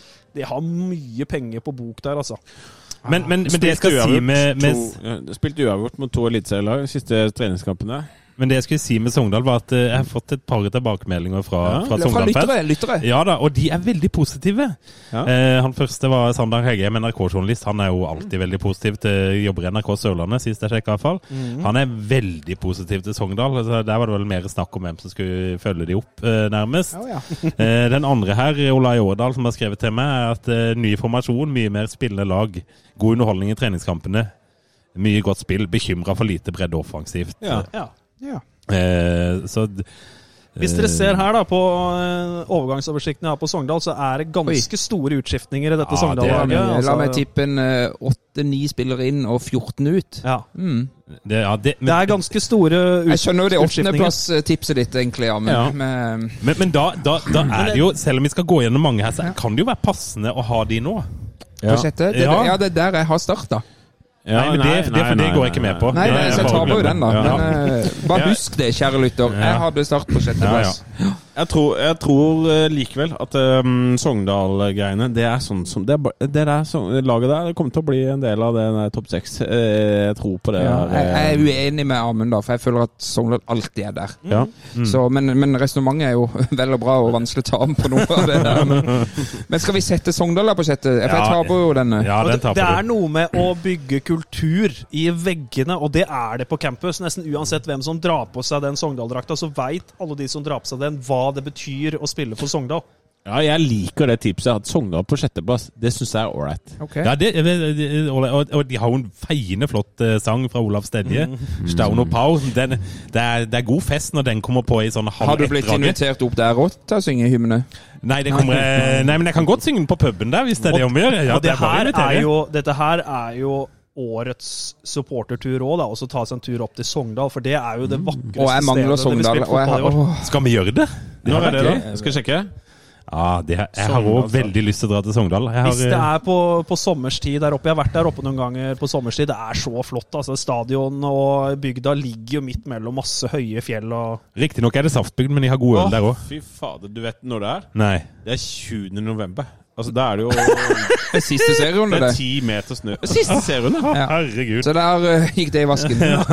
Nei, vi kan jo rykke opp, da. Det Og, kan og tenk hvis det blir en opprykkstur! Nei, Det kan hende jeg ikke klarte å google. Jeg syns Google er ganske vanskelig. Uh... Lærere og, og tekniske hjelpemidler. er Dette er god radio. Ja, det Dette er god radio. Vi tar femteplass, eh, gutter. Eh, Men da må vi jo eh, ta de lagene vi har igjen, for nå hoppa vi bare rett på Sogndal, og så var det full pupp. Vi mangler Vi har Sandnes Ulf igjen! Vi har Stabæk igjen, vi har Fredrikstad igjen. Sandnes Ulf, ja. Hør nå, vi har Stabæk, Fredrikstad, Brann, Start og Sandnes Ulf igjen. Ja, Sandnes Ulf er ikke topp fem, altså. Nei, men det altså, vi, Sandnes Ulf har vi jo elegant hoppa over hele veien. Jeg hadde, jeg hadde de på niendeplass. Ja, nei, det glemte vi, gitt. Så Da kjører vi Amund Sandnes Ulf. Sandnes Ulf, ja. Jeg har jo egentlig tenkt litt sånn i det små at de kan være en en skikkelig joker i direkte opprykkskampen. Ja. Altså, at, at de kan være helt der oppe. Jeg har vel falt ned på en sånn femteplass, eller, no, eller fjerdeplass har jeg vel falt ned eh, de på, men de tror jeg kan være helt der oppe. Altså, Er det pga. Bjarne Berntsen? Ja, Bjarne Berntsen? Har jo, er jo virkelig en uh, kulturbygger, altså. Bjarne Ja. Berntsen. Blant annet sånn som han gjorde med Viking, og det Vikinglaget som rykka ned i 2017. Det var med Da har vært brukket rygg tre-fire ganger, altså. Mm. Kom inn der, henta inn Tripic, henta inn masse lokale spillere, og virkelig fikk det til å svinge i Stavanger. Litt det sånn revansjesugen nå. Han ble jo chippa ut av Viking på en litt sånn ufin måte, Ja, og så var det en snartur innom, eh, innom Bryne. Var daglig dager. leder i noen uh, få Så nå tar han Randaberg og Vidar og uh... Og henta Tommy Høiland, som bare satt på benken og måtte se Veton Berisha banke inn mål i Eliteserien i fjor. Han har nok virkelig lyst til å plusse på noen mål på slutten av karrieren sin. Martin Ramsland òg, ikke sant. Vi alle veit jo hva som bor i Martin Ramsland. Jeg tror det fortsatt er ganske mye fotball igjen i handa, og de to kan bli ganske skumle på topp der. Ja, det Det så vi jo i en cupkamp her forleden. Det er jo eh, veldig mye start-rejects i, i Sandnes. Ja, Ja, det, er, det er jo Start en drøm to. Ja. Det er, det er jo det. Det er vel egentlig Start en drøm én, faktisk. Nå. ja. Det er der de er. Jeg kjenner det er vondt. en- Det er for ferskt, den Ja, der det er Sandnes-kampen. Det er så vondt å prate om. Men, Men, eh, men jeg, jeg, kan føle, jeg er enig, i, og det ser man jo gang på gang på gang, at hvis du har en eh, filosofi og en tydelig leder og, og en sjef, så, så går det ganske ofte bra. Da. Så det Bjarne Berntsen kan gjøre med Sandnes, og det Sandnes har bygd opp over tid med en stadion og, og øh, Det så jo ut som de øh, Selv om pubeieren i Sandnes heide på Viking, så kan det hende at de klarer å Hørte du at de Strømsgodset-fans fikk gratis øl etter, etter kampen fordi at de hadde slått ut Sandnes? Men, men egentlig det der representerer jo egentlig litt det Sandnes er. da. Det Ja. er jo Enten så er det Bryne-supportere, eller så er det Viking. Man Ja. har liksom ikke klart liksom å samle Sandnes by så at det er Sandnes Ulf som skal være lag i den byen. Og det har vært et stort problem egentlig i veldig mange år. Der, at, ikke de, at ikke det er nok interesse rundt det. Det er en kjempegod supportkultur i Bryne, og vi ser jo nå hva som skjer i Stavanger og Viking. Der er det jo der er det virkelig oppadgående. Sandnes Ulf har liksom blitt glemt midt i. Men øh, øh, jeg Og det, er, det er jo et kjempestort sted. Ja. Det er en av de større byene i Norge. Men allikevel skal vi ha de på femte. Ja, men hør nå. Jeg så, de på, jeg så et intervju med han daglig leder eller hva det var for noe under cupkampen. Eh, Og, og næringslivet i Sandnes var med, og da var det jo egentlig ganske mange folk på tribunen. Og var ikke, da var det jo ikke Strømsgodset-folk på tribunen, det var jo Sandnes-folk. Eh, Så litt medvind i seilene fra starten av der, så jeg så er jeg enig at det kan være topp seks-lag. Helt klart. Men eh, de de er avhengig av, som start, da Avhengig av god start, sånn at de Sånn at de liksom ikke må, må eh, kravle opp etter veggen, da. Og, og, og jeg, ser, jeg ser litt på laget her, og spesielt hvis man da drar seg fram til eh, angrepsrekka. Ja. Der har de, Vi har jo nevnt Ramsland og Høyland, men i tillegg så har de jo en annen eh, supersub fra eh, start. Eh, Mathias Bringaker. Og Jostein Ekeland er jo en ganske bra spiller, så det er mye bra framover i Sandnes. Den Altså. bredden der kunne vi jo hatt. Ja, ja, har vi Vi ikke har det i start, syns du? Vi har jo hatt den bredden. ja, og hatt halvparten. Nei, men, men jeg er faktisk litt enig i at jeg eh, Og dessuten, hvis folk tenker at Sandnes er gøy å ha de litt høyere enn eh, Men hvis vi skal sette Sandnes på femteplass, da, og så tenker vi ja, bomma vi. Hvem av de andre lagene som er Nei, det er jo Fredrikstad, Stabæk, Brann ja, og Start igjen. Ja, men de er jo igjen igjen. Ja, hvis vi liksom ikke vil Nei, men ha jeg, jeg har jo Sandnes på niende. Ikke spør meg hvorfor. Men, Nei, Men hvem er det du har så mye høyere der, da? Nei, altså jeg kunne lett ha Hvis jeg skulle ha bytta blankt, så ville det vært med Kongsvinger, men det har du ikke gått. Kongsvinger er Nei, jo ikke Jeg tror jeg er enig med Amund. Jeg, jeg, jeg, jeg har lyst til å ha Sandnes Ulf på topp seks, og jeg kan være med inn Og så er det sånn klassisk Veldig mange andre tipper jeg har Åsane oppi den miksen der, ikke sant? Men Jo, så har vi jo hørt uh, resonnementet til Lutnes. Men tenk deg òg alle de siste årene nå med Sandnes uh, Ja. Sandnes Ulf. Så mange år utenfor kvalik i Obos-ligaen, og så mye penger som har blitt, uh, blitt brukt der, altså. Ikke minst da på å hente veldig mange spillere som er på vei ned i karrieren sin. Det har jo vært liksom det som har vært uh, gjennomgangsmelodien i Sandnes Ulf. Ofte noen ganger henta spillere som har hatt mye skadeproblematikk og sånne ting. og Ikke fått så mye ut av, uh, fått så mye ut av de de har, uh, de de har henta.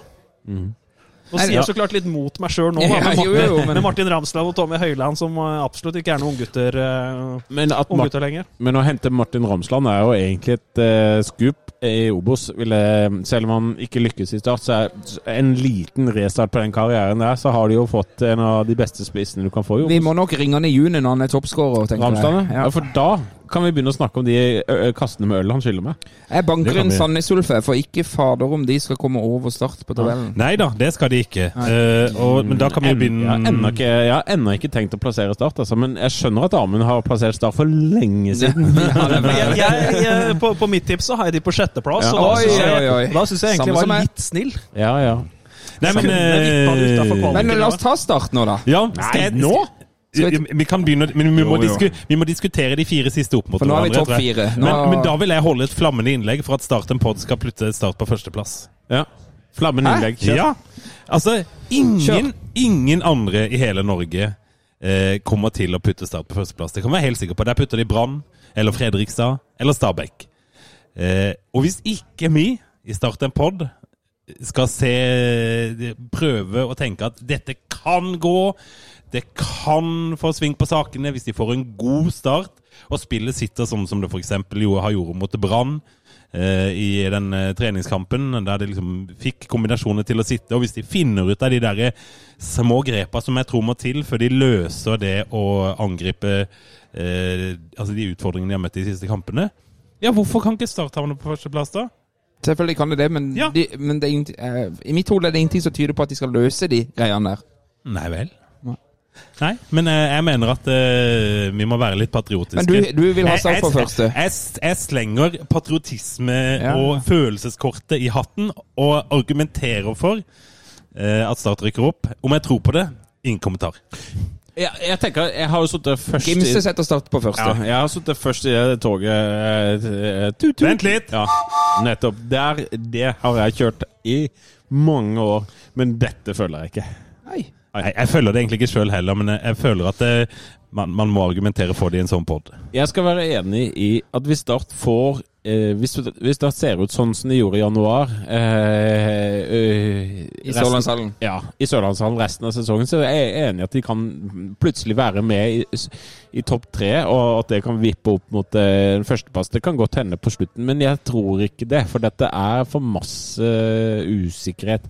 Jeg tror Sindre Kjelmeland eh, fortsatt har så lite erfaring med å lede et lag at han vil gjøre, han vil gjøre feil, han vil sette opp gale lag, og så må han, må han finne på noe nytt. Så, eh, det handler litt om Grunnen til at vi setter Sandnes Ulf på sjetteplass, eh, femteplass, er jo Bjarne Berntsen. Ja. Grunnen til at jeg ikke setter Start på førsteplass, det er jo egentlig Sindre Kjelmeland. Jeg har utrolig stor tro på han som trener over tid, men at han kommer til å rote og ikke få alt sånn som det skal være i år Vi, vi kan ryke 0-3 hjemme mot Stjørdalsblink. Ja, det kommer Og, vi og vinne 3-0 borte mot Brann i neste Ja, runde. ja, nettopp. Litt sånn. Og, og det, det ser vi jo, det skjer jo nå òg. Du Ja, ser jo ja. at vi, vi rundspiller jo eliteserielag, og, så- og så er vi dritt mot Grorud. Og, og, og, og, og det er en elefant i rommet her som jeg går litt på utsida av det der. Men det føles som at det er en, en, en sånn kommunikasjonsproblem i start. For det kommuniseres på ene sida litt sånn ja, vi skal jobbe langsiktig, dette er et langt prosjekt, her skal vi se mange år fram i tida. Samtidig så sier Terje Markussen eh, nærmest at vi må rykke opp i år, ellers så går klubben konk. Altså, det var sikkert ikke det han sa, men han, han signaliserer i hvert fall at de satser som en eliteserieklubb. Og de, og, og de- satser på eliteserieklubb ved å selge 50% av stallen. Og hvis ikke det er hasard, eh, så vet ikke jeg hva det hasard er. De, sel, de selger 50% av stallen for å satse som en eliteserieklubb. Jeg tror det er kun Brann i denne ligaen her som kjenner på samme presse som Start. Ja, det er, det, er- det er helt I, I forhold til å levere. Og jeg føler eh, Start eh, versus Brann, så er det fordel Brann i forhold til å klare, klare dette. Eh, jeg har PT, og det handler ikke så veldig mye om de to siste kampene, men all over så kan, Det ser så vanskelig ut å skulle klare topp to Men, i men, den ligaen her. men, men, men nå gutter, må vi det høre på noe, det spiller jo ikke Ja. noen rolle om Start havner på sjette, femte, fjerde Nei, eller første. Mm. For havner vi på kvalik, så Så vet jo alle hva som rykker vi opp. Så det blir opprykk. Nå vil jeg ha Amund. Ja. Amunds startanalyse. Kjør. Den kan jo godt være den Ja. lengste analysen. Ja, jeg tenker jo For det første så står jo Sindre Kjelmeland, Kjelmeland litt naken på sidelinja her nå. Nå er det ikke noe sted å gjemme seg, altså. Nå er det ikke noe preseason som Jeg må bare vente på preseason og få satt eh, laget. Nå skal egentlig det laget være satt. Nå har han fått en lang og god vinter eh, her nå. Fikk også et, eh, et godt halvår i fjor. Og Godt halvår. Jeg vet at det ikke var det du mente, men det var ikke godt det halvåret. Nei. det var ikke så godt. Nei, det endte i hvert fall ikke med nedrykk, da, for det var jo faktisk noe man absurd nok tenkte på i fjor. Og Start gikk altså gjennom sesongen i fjor uten å vinne to kamper på rad i Obos-ligaen. Det er helt spinnvilt, altså. Ja, det er uholdbart. Samme sesongen før òg, så er vi to sesonger uten å vinne to kamper på rad. Ja, det, det, er, det er spinnvilt i Obos-sammenheng at eh, Start, som skal være en så, såpass hardtsatsende klubb, ikke klarer å vinne to kamper, eh, to kamper på rad. Og Sindre Kjelmeland han må levere her, altså. For eh, Terje Markussen, som uh, har jo gått ut og sagt til Fedrelandsvennen at uh, vi kan ikke drive og vake nede i Obos-ligaen her uh, for lenge. Altså Start bør egentlig opp, ellers så må man drastisk kutte ned i Start. Og jeg tenker, for det første, når man henter Vito Wormgård Man henter ikke Vito Wormgård inn for å ende på fjerdeplass. Nei, det er jo det, Det da. gjør du virkelig ikke. Da henter du en helt annen spiller enn Vito Wormgård. Det er et signal til omverdenen at eh, her har vi henta inn en leder i Forsvaret. Han skal være vår hærfører denne Obos-ligasesongen. Og ja, det kommer til å bli et helvete i eh, topp seks. Og ikke minst, da, du drar ikke, til Torshov eller opp til Grorud og henter noen tre poeng der heller. Det blir en knalltøff sesong i år, og alle har lyst til å klå Start. Alle har lyst til å klå eh, Brann og Stabæk. De laga som kanskje se på seg sjøl som et eliteserielag, men som i år skal være et Obos-ligalag. Med signeringer eh, inn, da, så syns jeg det har vært en del eh, Jeg synes det har vært litt sånn positive signeringer som har kommet inn. Ja. Jeg liker jo. Sanyang veldig godt. Braut Brunes er jo på lån. Men Mm. allikevel, man skal få lov å ha han helt fram til eh, desember. Det kan fort være en kandidat til toppskåreren i eh, Obos, Obos-ligaen. jeg jeg syns det er veldig tøft å satse på på Jasper Silva Torkelsen i målet. Det syns jeg, eh, jeg er knalltøft av eh, Sindre Kjelmeland å kaste en 18-åring som spilte én kamp i Obos-ligaen i fjor. Nå var jeg der borte på Bryne, det gikk ikke noe spesielt bra. Ja, Nei. han er et kjempestort eh, talent, men jeg tror det i seg sjøl vil koste en del poeng. Og at dette startlaget ikke kommer til å rykke direkte opp i år. Ja, så klart, hvis det blir en helt sånn Hvis det blir en eh, Hvis det blir en eh, Hvis man kommer inn i en skikkelig flyt her, og måla bare renner inn fra, eh, fra Braut, og Wormgård bare stenger målegården Her er det ingen som kommer til i det hele tatt. Eh, På midtbanen så, så styrer Dervis Kadic. Eh, Schultz eh, banker inn målene som han har pleid å gjøre de siste sesongene. Sjøkvist setter alle innleggene sine til eh, Braut Brunes. Det er så klart ganske mange plusser i det dette startlaget her. Det er, det, er, det, er, det er ganske mange plusser her, Ja. men det er også en del minuser her om at man har et veldig stort press på seg. Og ja, hvis Braut blir uh, skada, hva er det som skjer da? Ja, det er Faller litt korthuset sammen da, Emil, liksom? eh, Emil Gunn Pedersen. Ja, mm. Nei, men, men jeg, Jeg har, jeg har ja, et innspill. Et ja, innspill. En liten fun fact. Eller fun fact. Et sted jeg mener at Start må levere for at vi, hvis vi det hele tatt skal kjempe om opprykk, det er å begynne å vinne bortekamper. Ja, det er åpenbart. Start har vunnet fem av de siste 30 bortekampene sine. Ja, jeg, jeg, jeg har vært på er flere av de. sesongene. Ja. Det er Jeg har vært på i hvert fall to av de. Ja. Eh, Ullkisa Og i alle, alle fjor. kom i Obos, vel å merke. eh, Koffa i fjor. Uh, ja, nå er ikke dette en quiz. Nei. Nei, men det var, det er, jeg går rett i quiz-modus med en gang. Jeg vet, når jeg hører Men, men, men Start er jo tradisjonelt sett ganske god hjemme, men vi sliter enormt borte. Mm. Der er- det er jo- må man heve seg. Ja, det er jo åpenbart. Og, eh, og det jeg skulle si, var at når jeg ser på laget nå, eh, så var det jo eh, Min hakkekylling har jo vært Vegard Bergan gjennom Ja, så lenge han har vært i Start, egentlig. Så hever han seg jo liksom voldsomt i de første treningskampene. Har vi sett tendenser til den Vegard Bergan vi kjenner i det siste? Jeg, jeg tror at Vegard Bergan har spilt sin siste startkamp. Tror, Tror du jeg det? Ja, det Ja, tror jeg jeg. tror han er ferdig nå. Han har fått en hel preseason og brukte de to siste kampene på å spille seg helt ut. Men han er, han er jo kan- så, han er så nå kan- dårlig. Når han først er dårlig Ja, og nå kan Reinhardsen komme inn igjen. Det, Men eh, ja. tenk litt grann på det òg, da. Hvis man skal kvitte seg med Vegard Bergan, så må det først være en klubb som er villig til å Ja. ta han, og han har en lønn som da bare varer ut denne sesongen her. Jeg tror nok han kommer til å gå kontraktstida si Ja. ut, ja. Og ikke minst at det kan være kanskje en breddeholder i dette startlaget. Da. At eh, det er en veldig lang sesong, dette her, og det er en komprimert sesong, ikke Ja. minst pga. det forbanna VM-et i Qatar, Forbanna som kommer på slutten av eh, året. Det gjør at det blir veldig komprimert. Det kommer til å komme tett med kamper, og man har bruk for en stor og god tropp. I Obos-ligaen så tenker jeg det viktigste er ikke at du har masse kvalitetsspillere som har masse X-faktor og sånn. Du må ha en god bredde, for at kampene kommer veldig tett, og veldig mange av de mindre klubbene har ikke en dobbeltdekning i, i troppen sin, og det blir man veldig skadelidende av utover i sesongen. Ja, eh, jeg er helt enig. Altså, klart, Bergan skal jo ikke ut av klubben, tror jeg. Men, fordi at eh, han kan komme inn på slutten og, stange inn mot uh, Stjørdalsblink, på en måte. Sånn som eh, sånn, Det er Tønnesen som skal ned, da. Så skal ja, Dongen ja, men jeg tror at han å, å, å drive og dyrke Bergan som en en av de tre bak, eh, som fast, det tror jeg ikke Jeg tror ikke Sindre tenker det lenger. Men, men hva vil du gjøre da? For da har du jo en jækla god venstre vingbekk i Kristoffer Tønnesen, eh, som vel må snuse på en av de venstre på venstre vingbekken i, i hele ligaen. Og så har du en dong på benken der, og så Men hvor skal vi plassere Start nå da, gutter? Ja, det, nå Nei, jeg, jeg skjønner jo at dette ikke blir direkte opprykk. Jeg ville bare Jeg vil- uh, men du har tippa Har du snakket det Nei, jeg ned? har ikke det. Du, snak, Eh, snakka det opp i stad. Nei, ja, men jeg, jeg mener at denne podden bør ha et brennende forsvar for å sette dem på førsteplass. Ja. Og så kan jeg være med på at dette blir playoff. Jeg er ikke enig i at det blir førsteplass. Det blir heller ikke andreplass, men jeg tror Start blir nummer tre. Ja. Eh, og, og jeg tror at eh, Kjelmeland eh, Jeg tror at eh, jeg er ingen frelser. Jeg tror faktisk han er en liten frelser her. Fordi Sindre Kjelmeland har så desperat lyst til å lykkes med Start at det kommer inn en eh, svenske med all den ja, Flair og X-Factor. Ja, alt det greiene som han svensken virker. Altså, jeg har sett én pressekonferanse med han, og det er det rareste. og Han er ikke svensk, han er islending, mann. Men du, Men, det er jeg, mener at han derre eh, Han eh, Fannberg Han kommer til å være den sparringpartneren som den desperate hovedtreneren trenger for å lykkes. At de to sammen kanskje klarer å få det her til å bli bitte lite mer stabilt, og sånn at det ikke For tenk å være en spillergruppe som spiller under en desperat trener, da. Altså med all respekt i Kjelmeland, så er det mm, Så kan man se hvor lyst han har til å lykkes. Og hvis Ja. du da er i den spillergruppa som bare «Ah, Jeg må få det til nå, så, så kan det Så kan det være mm, stressende, da. Det hjelper ikke med mental trener hvis ikke trenerteamet er pedagoger, da. Men jeg tror ikke vi ser resultatet av det allerede om to uker. Det er det som er.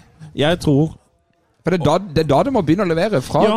Åsane borte om to uker. Det er Men jeg, da. jeg tror Åsane borte, Mjøndalen hjemme og Fredrikstad borte er tre flotte kamper for Start å begynne med. Mye bedre enn Grorud hjemme, Stjørdalsbygd borte og Raufoss. Ja. Ja, altså, Fordi de møter lag som de kan spille mer av sitt Lars Martin Gimse er første, jeg har sjette, du har tredje. Nå må, Da du, blir nå, det nå, tredje. nå, må du, Nei, nå må du slutte med det der første. Jeg sa jeg skulle forsvare første, men jeg er med på tredje. Jeg syns Ja, det høres ut som en fjerdeplass her, eller noe sånt. Ja, da. Tredje blir jo eh, gjennomsnittet, da, hvis vi Ja, skal da ta må det. Fredrikstad nummer fire, da. Hvem er best til å starte Fredrikstad? Jeg setter Fredrikstad foran start. Altså, Ja, da ble det fjerde, da. Ja, ja. Men én ting altså med denne, denne sportssjefstillingen, som endelig er på plass da, etter Mm. eh, så lang tid med veldig mye frem og tilbake. Sindre Kjelmelands viktigste arbeidsoppgave i start er å vinne neste kamp. Og kampen etter der igjen, og kanskje til og med også tenke på noen få kamper fremover i tid. Sindre Kjelmeland kan ikke ha noe treårsperspektiv på, sin, på sitt trenervirke. Han må vinne nå. Og så får Fannberg ta seg av de lange linjene i klubben, hvordan akademiet eventuelt skal drives, hvem som skal tas opp, hvem, hvem er de spennende talentene i Søgne, i Don, i Ekspress, alle de rundt der. Prate med Vigør, skape gode relasjoner til alle klubbene rundt seg, og ikke minst ha et, ha et eh, godt overblikk over alt som skjer utover i Europa. Hvor kan Start gjøre noen, noen gode deals med å hente inn spillere? Det er nok veldig greit at Sindre Kjelmeland ikke skal være 100% på, for han Yes. må konsentrere seg om å vinne fotballkamper med Enig. Start nå. Enig. Og, og at han er den, har vært og er den rette mannen for Start nå, Sindre Kjelmeland, helt klart. Men eh, han, det presset han har nå, Det er tungt. det er svært. Og det tror jeg eh, nettopp at kan være Jeg er veldig glad for at det ble den sportssjefen det ble. Jeg tror det kan være Jeg bra. sier vi starter på 14.-plass i juni, så er Sindre Kjelmeland ferdig. Ja, det er han. Ja. Ja, ja. Kanskje Ja, før ja, men eh, hvis den 14.-plass Vi starter på 12.-plass i juni, så er Sindre Ja, ferdig. nå skulle jeg være snill, da, men nå er jeg Ja. jo Men, Ja, men eh, men jeg er helt enig. Her må Kjelmeland må opp, og Ja. han må levere fra Åsane. Men han må ikke være desperat. Nei, Helt riktig. Nei. Men da lander vi start på fjerde eller tredje? Tredje. Du kan godt si Fjerde. Tredje. Uh, Jeg er med på tredje med en supporterpod. Da skal vi svinge oppover. Det er jo tre klubber i, uh, igjen, da, og det er jo tre ganske anerkjente og ganske store klubber, med Brann, Stabæk og Fredrikstad igjen. Du kan jo nesten trille terninger om uh, hvem av de som skal ende topp to. Jeg har Brann på førsteplass og Stabæk på annenplass. Det er i hvert fall sånn mitt tips per dags dato. Det skal sies at, eh, Og det irriterer meg alltid at disse tabelltipsene må leveres før deadline day. Plutselig så det- skjer det et eller annet crazy helt på slutten. Apropos starttipset vårt. Er det sånn at vi skal høre med han Petter Bø? Nei, Han, Vi skal ikke det. Nei, han kunne ikke. han ville ikke.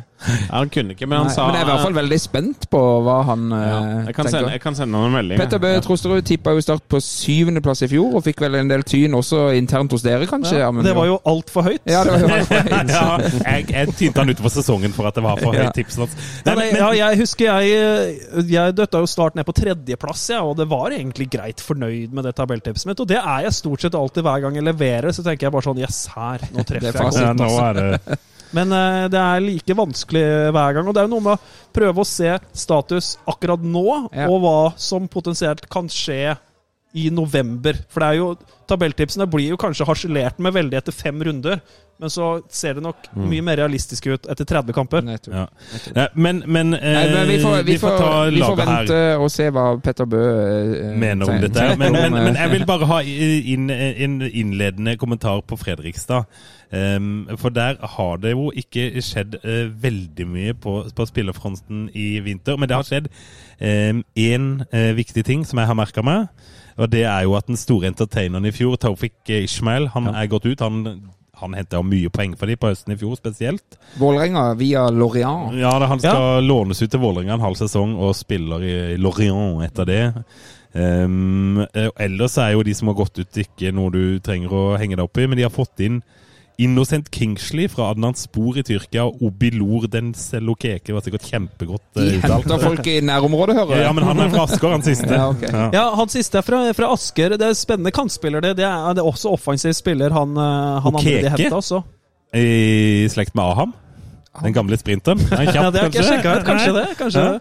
Men eh, Eh, det er i hvert fall to spillere som er nok eh, tenkt å hentes inn som erstatter for Ishmael. Nå, Ja. nå får man jo ikke erstatta Ishmael sånn med en eneste gang, for han var helt fantastisk i fjor. Han var pokker så god på høsten der, altså. Men det derre Sirkus Fredrikstad, det er jo rett og slett bare helt glemt. Sånn som, var, sånn som det var i gamle dager. At det var, og det, overgangsoversikten eh, etter eh, hvert halvår var jo langt som et år.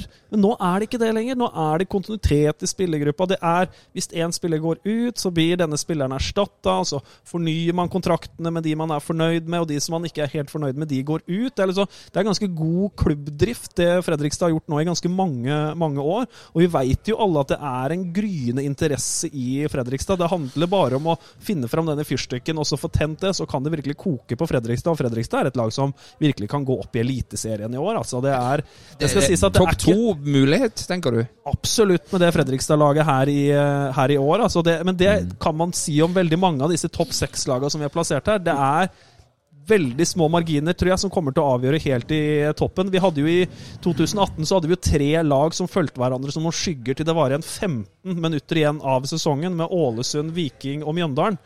Det kan jo godt hende at det kanskje er fire lag i år som kanskje er med helt inn til siste serierunde, f.eks. Og 2018, det husker jeg ikke. Da var vi Men- midt i en drøm. Ja, Men jeg, men jeg ser her nå at de nettopp tapte mot Grorud 2-0. Ja.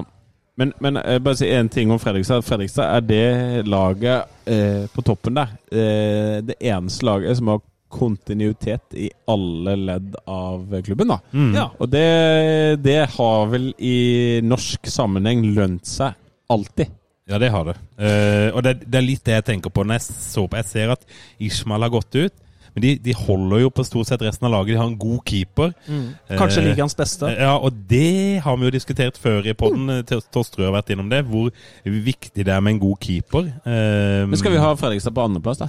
eh, Jeg må bare eh, sammenligne de litt med Stabæk før jeg bestemmer Ja, meg. jeg har Fredrikstad på andre, altså. Ja. Og Stabæk på fjerde, da? Eller Brann på fjerde? Det er gøyest med Brann på fjerde. da. Ja, det er det jo. Eh, men det er kanskje dustete. eh, Vi kan være enige om at vi alle har Brann egentlig på første. Ja, men jeg har Brann på første fordi alle sier det. Uh, så, men men også er det fordi at uh, det det er et ganske bra lag, da. Og hvis, det, Eh, og, hvis det, og hvis det bytter litt inn mot sommeren for Brann, så fins det vel noen lommer der til å Ja. rette opp det som har gått galt. Ja, jeg tenker som kanskje den eneste klubben i Obos-ligaen, så har dette brannlaget et slags sånn ekstra liv, da. Som Ja. de kan eh, som de, bare kan eh, som de bare kan aktivere, som ikke noen av de andre klubbene har. Hornland kan fint være sparka til 16. mai. Ja, ja. Det, det, kan, det kan fort hende. Hvis Brann får en dårlig start, så kommer eh, Hornland til å fyke veldig tidlig, tror jeg. Så kommer han til i sommer å kanskje hente inn en del profilerte spillere og blåse en del penger for at uh, dette brannlaget må opp. Ja. Det er ikke snakk om noen mellomsesong her nå. Altså, dette brannlaget må opp i Eliteserien. Og det er kanskje litt underkommunisert. Det må også dette Stabæk-laget. Ja, det, Ja. Stabæk fordi- skal bygge en ny arena om ikke så altfor lenge, og de kan ikke drive, og, de kan ikke drive og røre nede i eh, Obos-ligaen. Altså, så Eirik Kjønne også har kjempepress på seg i eh, Stabæk i år. Og jeg har hørt noen som snakker om Stabæk, og det er folk som er glad i Stabæk, eller eh, andre, eller vi har diskutert det her før, at Stabæk er et sånt lag som satser veldig mye på unge spillere når de er i Eliteserien. Så rykker de ned, husj, da henter de inn masse etablerte for å rykke opp igjen. Og de har jo henta inn senest Fredrik Krokstad fra Lillestrøm, en ordentlig sånn eh, eh, Mannen som lagde det første frisparket, eh, frisparket før Martin Ramsland begynte å skåre på Åråsen. Den har jeg sett noen ganger, den, så det husker jeg. Men, men han hadde jo henta inn, og de har vel henta inn et par andre etablerte òg, Amund, hadde ikke det? Ja? Jeg kan jo dra fram eh, Curtis Edwards, en brite som eh, har vært lenge borte i Sverige. Oh, ja. Han var jo med på dette eventyret til Østersund, som endte med at de slo Arsenal i utslagsrunden. Å, var veldig koselig, det. Ja. De eh, tok jo seg videre fra europacupspill. Nå begynner det å bli en del eh, år siden dette her, da. Men det er en sånn, sånn rolig og beherska midtbanespiller som er veldig rutinert, veldig god med ballen. Og så har du Fredrik Krokstad som kommer til å løpe sokkene av seg og takle sokkene av seg i, i denne sesongen her. To solide Obos-signeringer, syns jeg. Man har Simen Wangberg bakerst. Ja. Man har henta nettopp Nicolay Næss fra Sarpsborg 08. Man har Pignatell Jensen. Fremadstormende midtstopper. Markus Sandberg i mål. Bakover så er man jo kjempesolide i Men dette eh, Stabæk-laget. min, min lokale favoritt fra Drøbak, han Edvardsen. Ja, ikke sant? Så har du fremover så har du han syns jeg var veldig god i, i fjor, i hvert fall i Eliteserien for Stabæk. lynhurtig. Han også, Cornelius Nordmann Hansen. Ja, det er nok ikke så veldig ja. mange Ja. som løper fra de to, altså. Så klart, dette er to spisser som trenger, eh, trenger bakrom her. Altså, jeg tror nok kanskje Stabæk kommer til å forsterke seg ytterligere inn mot, eh, inn mot um, deadline, um, deadline day. Det er, det jeg syns det er en ganske god bredde i dette Det er Stabæk-laget her. skummelt å Altså. sette disse på fjerdeplass, da. Ja, og jeg synes jeg hører, når jeg hører eh, det han sier om det bakover Det heter jo at eh, han der attack wins you games og eh, Eller, nei. Det er jo en sånn uh, vår En sånn Kjør noen krigs, quotes nå. nei, men en sånn krigsmetafor. Det er til sånn der, eh, at angrep kan vinne et slag, men altså du forsvar vinner krigen, på en måte. Altså Ja. at eh, et Ja, det- ja, godt forsvar Et angrep kan vinne kampen, Ja. men et godt forsvar vinner mesterskapet. ja, ja. Der er du det. Det er den koronaen min som eh, slår inn her. Uh, Riktig, riktig. Men uh, nå, Det er litt, det er litt tynt. Jeg det. syns, jeg, jeg syns det er litt nå raser snart Lars hele puben. Det er kanskje litt tynt fremover, da, med dette Stabæk-laget. Eneste som man kan liksom virkelig sette fingeren Litt på. det samme som. Start, da, tynt framover. Men tynt fremover, altså, Hvilke lag er det som ikke er litt tynt framover? De, de kommer til å klare Ja, jeg er enig. Stabæk nummer to. Ja, jeg tror jeg er med på det. Jeg er på Fredrikstad nummer to, jeg, altså. fire. Det, det, ja, det kan fort være. Altså, jeg, det, det jeg tror det topp fire her kommer til å være med helt inn. Det er jo hipp som happ. Men, men Da jeg kjører vi at være litt gøy, da. Da kjører vi, da kjører vi Fredrikstad nummer to, Stabæk nummer fire. Så ringer vi han eh, Kjøne og hører hva han sier om det. Er han fra Kristiansand, han? Ja, han er jo fra Ja. Kristiansand. Jeg er ikke ferdig! Nei, kjør! Da får vi bare ringe, da, Lars. Til, Ja, jeg eh, syns, jeg syns det. Nå har vi ringt alle de andre sørlendingene, så da kan vi jo ringe han nå. Da ringer det. Vi får satse på han tar telefonen, at han er klar. Ja, det må vi bare tro, da. Ja, vi må jo det. Kjøne. Hvis han tør å ta telefonen, da. Han ringer på sånne skumle numre han aldri har vært ute for før. Mm. Eller kanskje vi tar han på helt feil tidspunkt. Det er dårlig radio hvis han er ikke lov å si det. Er det ikke det lov å si? Hei, Erik. Ja da, der. Der Ja, det var Start en pod som ringer, eh, Mr. Kjøne. God dag. God dag, god dag. Det var veldig hyggelig at eh, du lot oss eh, ringe og plage deg på en eh, mandagskveld litt før sesong. Ja, Det er bare hyggelig. Ja, perfekt. Men du, nå har vi jo sittet her og drodla. Vi har med oss uh, selveste Lutnes her til å bidra med Selveste Lutnes, ja. til å bidra med den kompetansen vi ikke sitter inne med sjøl, og den er ganske betydelig, den kunnskapsmangelen. Så da må vi ha inn uh, folk som har oversikt. Uh, så vi har jo krangla oss fram til et tabelltips. Eh, hvor tror du vi har satt okay. dere? Altfor høyt. Altfor høyt, ja! Ja, ja, må jekke oss ned. Ja, ja men eh, hvis jeg da sier at eh, etter en intens dragkramp, så, så ble det fjerdeplass OK. Det var ikke for høyt. ok. Hva er, eh, hva er da topp tre? Det er Brann, eh, Fredrikstad og Start. Ja. ja, men det er OK, jeg kan leve med det. Jeg kan Ja. godt eh, ha, ha oss på fjerde og, og Start som en større favoritt. og Det er OK. Det er litt patriotisme på det der starttipset, det må vi jo innrømme. Nei, nei, det, det er det ikke. Er det ikke det, nei? To favoritter. Er favoritter. Hva, tenk, hva tenker du sjøl, hva tenker du selv da? Kjøl. Sjøl, Kjøne? Nei, altså vi, vi, vår målsetning er helt klart å rykke opp. Det har klubben sagt hele veien helt siden vi rykka ned.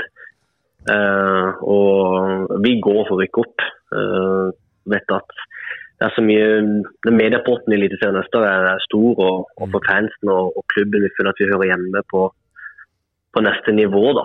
Mm. Eh, og vi ser at skal vi, skal vi klare det, så, så bør vi klare det første året. Det er vanskeligere over tid egentlig å, å klare det. Selv om kanskje Obos-ligaen er den tøffeste akkurat nå. Ja, det er jo ordentlig vi- Ja, vi, vi går for det, selvfølgelig. Men eh, jeg skal ikke si at vi er noe bedre enn andre lag som går for det. Så det blir, det blir veldig tøft.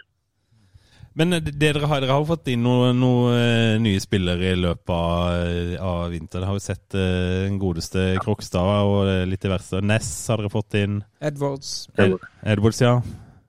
Mm. Hva, hva bringer hva, hva slags Stabæk-lag er det man får se i år? Nei, noe, noe helt annet enn det vi viste i fjor i Eliteserien. Det, det håper jeg virkelig. Vi, eh, vi var jo et bunnlag på alle mulige måter. Vi slapp til flest, flest sjanser, hadde eh, veldig lite possession. Uh, sist så var det dårlig struktur ofte. Eh, skapte litt for lite angrep. Så ønsker jeg å gjøre mye motsatte, my, my, veldig mye av det som, som dere prater om nede på Sørlandet, og som Sindre står for også.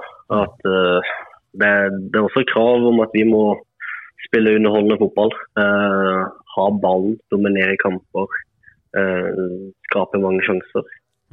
Så tar det tid å utvikle det, men det er klart det er vår ambisjon. Vi, vi ønsker å være et lag som, som skårer mye mål. Vi har en, en hårete målsetting om å skåre 60, som er to i snitt. Det er Ja. veldig få lag som klarer opp, men Ålesund klarte det i fjor, blant annet. Start klarte vel å slippe inn det? Gjorde det ikke? Ja, ikke langt unna, i hvert fall. ja. Eh, så det er, på en måte, det er det vi går for. Eh, og Det er litt derfor vi har hentet de spillerne vi har. Og Curtis er en veldig solid ballspiller og playmaker. Curtis Edwards. Mm. Eh, Ness er en ballspillende midtstopper. Eh, Kokstad er det, det, er- det er punchy. Så det vi har sagt til vi rykker er at vi må signere rutinerte spillere, for vi har allerede gode unge. Mm. vi må ha ballspillere. Vi må ha ledertyper. Mm. Det får du i Ness, så får du ledertype. Du får det i, i Krokstad også. Curtis er en ledertype på, på sin egen måte. Eh, vi henta inn Victor Wernersson, men veldig solid venstre wingback på det nivået her. Mm. Så vi måtte ha valgt å signere få, eh, men, men spillere fra et høyere nivå. Da. Pro proven, som de sier på nynorsk. Hva kalte du det? Proven. Er ikke Yes. det de sier på engelsk? Jo, det er det de sier på engelsk. Men eh, hva, hva tenker du om eh, Start i år, da, siden vi tross alt er en eh, meget enspora podkast? Hva, hva tenker du om Er god, penis. Ja, hva tenker du om Start? Nei, jeg har sett de for lite i vinter. Jeg så den mot Brann. og Da Ja. synes jeg var veldig solid. Da var vi jo verdens beste fotballag. Ja, så Basert på det så vil jeg si klart opprykk. Ja, nettopp. ja. Så støtter den uh, tabelltipset der. Men du, et spørsmål til deg, siden du tross alt er eh, eh, trener for et fotballag. Hvor mye kan eh, en del eh, covid-smitta spillere ha å si for eh, prestasjonen Altså, hva skal vi si, det fysiske i en fotballklubb? Man klamrer seg jo litt til at de to siste kampene til Start har vært litt sånn covid-relaterte. Ja, Vi fikk jo det slaget i trynet i fjor, rett Ja. slett seriestart. Ja. Mm. Og det er ikke noen tvil om at det påvirker oss eh, Ja. en god stund. Ja. Men klart, eh, Rett etter sykdomsperiode Du du er jo isolert hjemme, og du får ikke trent noen ting. Da er det nesten bedre å være skada enn å være syk. Mm. Ja. Og etter den perioden her så skal du komme deg i gang. Så klart første kampen er jo langt under nivået ditt. Og så tar litt tid før du er tilbake i toppform. Noen kommer fort tilbake, andre sliter, sliter lenge med det. Det, det varierer jo. Så, så klart, det kan ha litt å si, det. Det er bare ett oppfølgingsspørsmål til det. Hvis du hadde gått på den der eh, smellen mot eh, Sandnes Ulf, eh, og det var litt covid i troppen og sånn, ville du da stilt med omtrent samme lag i, i treningskampen mot Grorud rett etterpå, eller ville du ha rullert litt sånn at det på en måte ikke Ja, ville du ha rullert litt? Nei, så nærme, så nærme seriestart så må du prioritere de spillerne du tror kommer til å starte, eh, og, og få de i form. Og Ja. hvis de da i tillegg ikke er i form, så må du i hvert fall bruke de spillerne for å få de i form. Ja, nettopp, for det, det er bare kamp som får fotballspillere i form. Det er ikke noe annet. Det er det, er det klart viktigste. Ja. Og det er der du bygger relasjoner, og Ja. sånn er det. Eh, Så vi også, altså alle lag prioriterer de som er nærmest å starte, så tett på seriestart. Mm. Og, og en siste ting, da. for at eh, Når vi går gjennom eh, denne Obos-tabellen her, så er det jo det, er jo det ene sånn historisk sett storlaget etter når det er Brann og Start og Stabæk og Fredrikstad og Sogndal. og Det er mye, mye gode, gode lag med lang historie. Gleder du deg til sesongen? Si Ja, nei. både dag. Både og, ja. Ja, det blir godt å, det blir godt å, å komme i gang eh, og starte med Kokosligaen og Ja. Få, liksom, få den spenninga. Sånn den spenninga. Eh, men det blir eh, ja, det blir nervepirrende også. Det, det gjør det. Men jeg kjenner at jeg, jeg gleder meg nå gleder jeg meg mer enn jeg, mer enn jeg gruer meg. Nå, nå begynner jeg å føle at vi, at vi er klare. Da har du det litt annerledes enn meg, for jeg gruer meg betydelig mer enn jeg gleder meg. Ja. Jo, men supporter skal jo grue seg til til seriestart. Ja. Det er sånn det er. Takk for at du var med, Eirik, og lykke til i år. I like måte. Minus, litt. minus to kamper. Ja, ikke sant. Takk for at du var med. Vi høres sikkert. Ha det. Vi prates. Ha det. Ha det. Ha det. Det er jo litt fint med litt sånn sørlendinger spredd rundt forbi òg. Kanskje de blir starttrenere en gang. Ja, kanskje de blir starttrener en gang. Du, men du, du, Amund, du sa at øh, han kommer til å melde seg ned. Sånn at øh, Det gjorde han. eh, Det var jo Det godt. han også, eh, Han var opptatt av å være bak start Ja. på tipset vårt, virka det som. Ja, det likte han. eh, Men, men, men nå har Det jo henger igjen fra Grorud-tida, da jeg prata med Erik Kjøne før eh, sesongen. Og han prata seg ned på 16.-plass på mitt tabelltips. eh, Det var derfor du hadde de hvert år? Ja, ja. Ja, men, men vi har jo egentlig da Jeg hoppa litt fort forbi Brann, eh, som jo vi plasserer på førsteplass. Ja, vi er enige om. Brann på Eh, første. Og, og Start eh, jeg kan ikke bruke det ordet, men de feide over eh, Det kan du bruke. Ja, men det var et annet et. Vi feier over i andre enden, eh, jeg hadde tenkt å bruke. Ok. Eh, Rævpule. Rævpule. Ok, Ja. mer om det. ja. En annen pod. Eh, ja, en annen podd. Vi skylder på koronaen igjen. Um, men vi har ikke snakka om de, eh, og de har jo eh, Altså, de har jo mista jeg, har- Akkurat der fikk, hadde jeg en litt morsom greie, for jeg fikk en, en, en Brann-fan som sendte meg en En lytter? En, eh, lytter, en lang, lang, lang eh, post om eh, hvor dårlig dårlig det sto til, for de hadde mista Taylor og eh, Petter Strand, som var eh, viktig, og de mista Seri Larsen, som var fantastisk god på de stoppeplass i fjor, og de solgte Hustad til Jerv, og Heggebø eneste spissen igjen, og han eh, De kan fortsatt vinne Obos, men kan også ende på sjetteplass. Blir overraska om de rykker ned til Post Nord, for det har de jo snakka om i Bergen.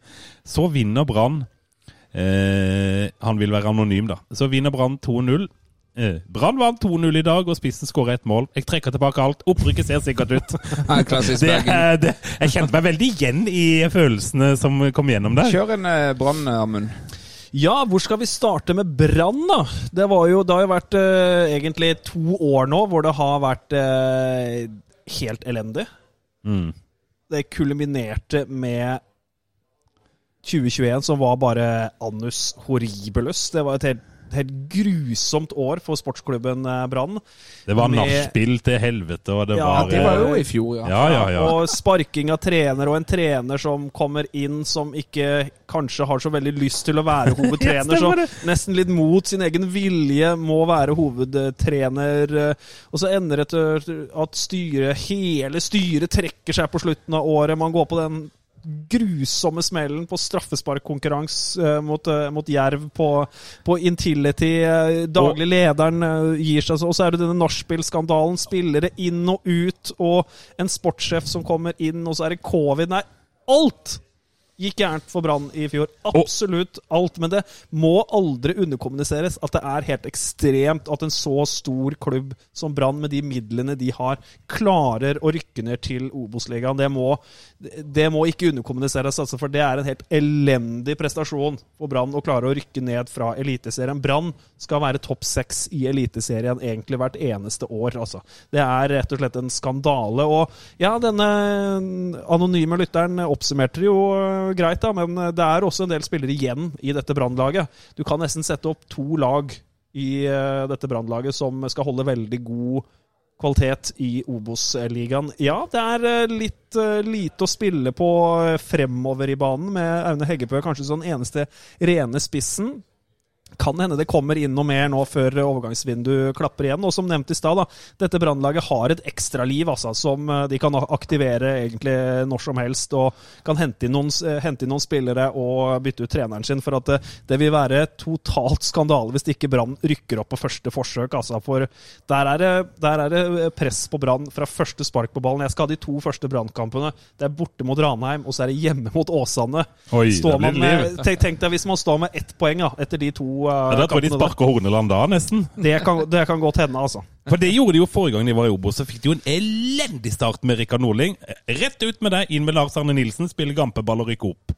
Derav et sånt ekstraliv som Ja. de aktiverte når de var nede. Og da henta de vel òg litt spillere til sommeren, hvis jeg ikke husker helt Ja, feil. Det ble de henta, inn. henta inn flere da, og det, det holdt jo akkurat det. Da skal det sies at det endte vel på en annenplass bak Sogndal i 2015. Henter de, henter de Kåre Ingebrigtsen, da? Hvis det er Men, men, men eh, det, det som er bare er en ting som kan bite karma til Brann ræva, hvis man tror på karma, det er jo det famøse sitatet til en eller annen i styret i Brann, tror jeg, rett etter eh, Jerv-tapet. Ja. Ja, ja. Hvis dette er nivået i Obos.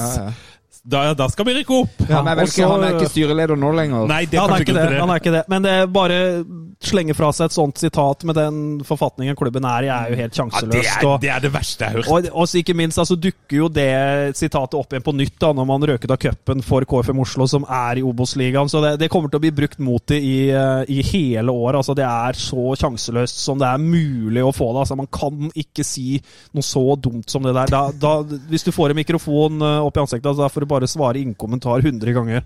For å si noe sånt, det kommer bare til å bli brukt eh, mot deg. I hvert fall når det kommer fra en styreleder. Ja, for at u- utsagnet er jo ikke Det er jo ikke så dumt, egentlig. Men det er så jævlig dumt når du kommer fra en styreleder, fordi Det er jo hele konteksten her er jo helt krise. Ja, ja, for, for en supporter kan jo si- si det. Etter å ha rundspilt Jerv i 120 minutter, så kan jo en supporter fint si hvis dette er nivået, så rykker vi opp igjen. Ja, ja. Ja, og den en kampen skulle jo egentlig en 3-0 til Brann. I, en, eh, I en normal verden og under normale omstendigheter så kjørte jo dette Brannlaget Men jeg vet ikke ja, men om du husker Brann sist de var nede. Jeg vet, klarer du å liksom sammenligne årets utgave med den? Eh, Sånn i, i relasjon til resten av ligaen. Er de sterkere, svakere, større favoritt? Eh, De var jo skyhøye favoritter i 2015, og de er eh, minst like store favoritter. Jeg tenker Obos-ligaen i år Ja, det er veldig mange fine klubber med store navn og sånn, men eh, kvaliteten er nok ikke skyhøy over hele linja, sånn som vi har gått gjennom her. Det er ganske mange plusser og minuser på, på alle lag, selv topp seks. Og det, det Jeg tror det rett og slett kommer til å bli veldig jevnt, altså. Men jeg tror Brann kommer til å karre seg til opprykket. Og som stort sett alle disse store klubbene, når de skal rykke opp på første forsøk, det er kladdeføre i, I starten, i 20 kamper, liksom, sånn at man drar til Grorud og kanskje bare vinner 1-0. Supporterne er liksom surre, «Æ, spilte dårlig og ikke noe fornøyd med det her. Man tar med seg tre poeng. Kommer til å være en del sånne.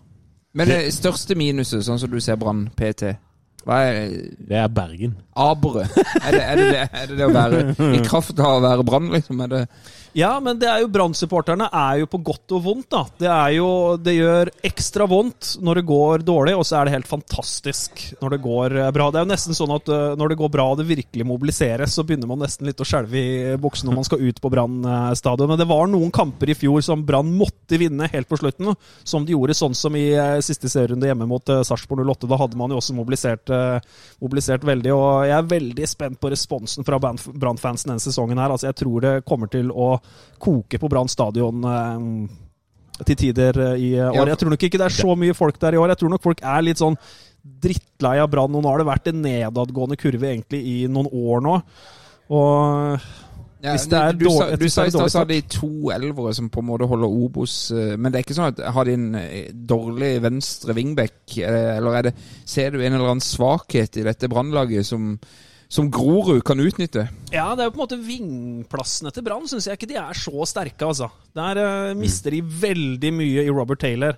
Ja, han er bra. Der, har de ikke, der syns jeg de er svakest uh, Ja. besatt. Og de har jo henta inn på kort tid nå da, tre danske spillere som eh, Det er ikke noen unggutter. Ja, det er kompisene til Mathias Rasmussen. Er det det, ja? Ja. Tipper det, da. Tipper det. Ja, eh, og det er nok rutinerte spillere, men det er jo spillere som skal, liksom skal være i en veldig fin alder, da, som tar steget ned i Obos-ligaen i Norge på nivå to. Så veit jeg jo ikke helt hvor supermotiverte de, de er for det. da, For eh, hvis ikke du møter opp i første runde på Ranheim og og hjemme mot Åsane i første hjemmekamp, altså, så blir det et helvete å være Brann-spiller i år. Ja, men vi tipper de på førsteplass Ja, allikevel. men de, de kommer jo til å rykke opp, da. Ja. men, men igjen, da. må vi ikke ta eh, Men du, du vet, Gimse, det er Start Brann eh, 7. juli. Det er da du skal synge hymnen, er det ikke? Vi får høre med Tom Helge. Ja. Mm, jeg tror det er det. Det er han som bestemmer. Men Skal det blir i sommer en gang. eh, kjører vi litt sånn nå, live nå, har jeg, nå har jeg 16 lag her, gutter. som Det, det hadde vært litt trist hvis det var 15. Ja, heldigvis sier veldig mange, tror jeg. Nå har vi holdt på, holdt på veldig lenge. Men eh, la oss eh, kjapt gå gjennom eh, tipset til Starten Drøm. da. Jeg er ikke enig i alt, men det er jo Nei, demokrati det- ja. og, og så videre. Eh, vi, har, vi kan begynne nederst, da. Skal vi det? Ja. Er, ikke det litt unaturlig? Det er veldig unaturlig. Vi begynner på toppen. der. Vi har Brann som nummer én. Ja. Mm. Fredrikstad nummer to. Ja. Vi, vi lander på det. Ja, men Ja, vi lander på det. Brann og Fredrikstad går rett opp. På kvalik har vi Start, Stabæk, Sandnes og Sogndal. Da må Ja. vi stoppe opp litt for eh, da er neste spørsmål eh, til meg. Eh, til meg. Til deg, ja. Skal du svare sjøl òg, da? Ja, såkalt retorisk. Eh, ja. Jeg skal stille spørsmålet at eh, toppen av Obos er bedre enn eh, bunnen av Eliteserien. Eh, jeg, Amund, svarer, kjør fasit. jeg svarer ja, og Amund kjør fasit. Ja, det syns jeg er eh, en veldig interessant tanke. Det er Bunnstriden i Eliteserien i år, det er vel mest sannsynlig Jerv som kommer til å ende på 16.-plass. Det tror jeg i hvert fall alle tabelltipsa rundt om i Norge kommer til å ende opp med 16.-plass der. HamKam kommer til å være der nede. Du har et eh, Sandefjord. Sandefjord kommer nok til å være der nede. Ålesund. Haugesund, Haugesund, kanskje rører seg ned der. Tromsø. Ålesund, Tromsø Masse dritt. Det er nesten, eh, nesten halvparten av Eliteserien tenker jeg kan være nede i den eh, sumpa, faktisk, og eh, kan være redd for et direkte nedrykk. Så det er, det er en interessant tanke, i hvert fall. De som kommer til å kjempe, da, Lars Benestad? Ja, men jeg var ikke ferdig. Ja, det er fordi at hvis, hvis, øh, hvis toppen av Obos er bedre enn bunnen av Eliteserien, så er det jo ganske stor sannsynlighet for at det er tre som rykker opp for Obos. Ja, Ja, det kan hende. ja, men altså, vi starter med i kvaliken, så rykker vi opp. Ja, Ja, det blir jo, det blir jo opprykk. Så det er bare Ja. Ja, det er bare å bestille billetter til Eliteserien. Det, det er er bare å kjøre på. Poenget mitt er at å være topp seks, eh, så er det eh, viktig for Start sin del å være topp fire. Ja, ja. For det er topp fire, da får du Hvis du blir nummer fire, da, så er det faktisk Jeg tenker, uten å være noen ekspert, men nå skal jeg synse Jeg tenker å bli nummer fire, da får du også Da får du spille mot vinneren av femte- og sjetteplassen. ja. Så du får én kamp der. Og så får du spille mot tredjeplassen, så får du én kamp der. Så du holder det ting ved like Uten å bli utslitt. uten å bli utslitt, inn mot kvalik, mot, et, eh, mot dritten fra Eliteserien. Start går rett opp i kvalik. Ja, da har vi Ja, fasit. det har Benestad talt. Start rykker opp via kvalik. Spørsmålet er er det to kamper som før, eller er det den der Intility-finalen, som er kanskje noe av det kuleste norsk fotball har gjort på lenge? At de kjører én kamp på nøytralt stadion. Du, så vidt jeg veit, så er det øh, det samme som i fjor. Og dette tror jeg også Yes. henger med at det er en veldig komprimert sesong. At øh, skal man ta en dobbeltkamp helt på slutten der igjen, så vil det nok øh, Eller romjul. Eller romjul, sånn som det ble i 2020. Men det var jo Jeg husker jo den der kampen på Intility på Så var det bare to dager før, så ble jo samfunnet stengt ned igjen. Ja. Det, var, det kunne jo blitt kanskje Ja, for Brann hadde solgt en 1500-2000 billetter til dem, men det kom inn med 200. Ja, da, det, ja. det var bare det de, det de fikk lov til. Og det blei jo fordelt noen billetter, og da kuppa jo Brann nesten alle de billettene. Og Jerv fikk nesten ingen. Men, eh, men jeg ingen tror faktisk alle Jerv-supporterne kom inn allikevel. Ja. Men eh, fra syvende og ned til trettende, da, de som ikke havner noe sted. Ja. I fjor da, så var det seks poeng som skilte mellom syvende og trettendeplass i Obos-ligaen. Ja, Så de, klu de klubbene vi nevner nå, Der kommer det mest sannsynligvis til å skille veldig få poeng. da, og Der har vi Mjøndalen på syvende. Vi har Koffa på åttende, Kongsvinger på niende, Raufoss tiende, Åsane elleve, Ranheim tolv, Bryne 13. Ja. De klubbene der i fjor, da.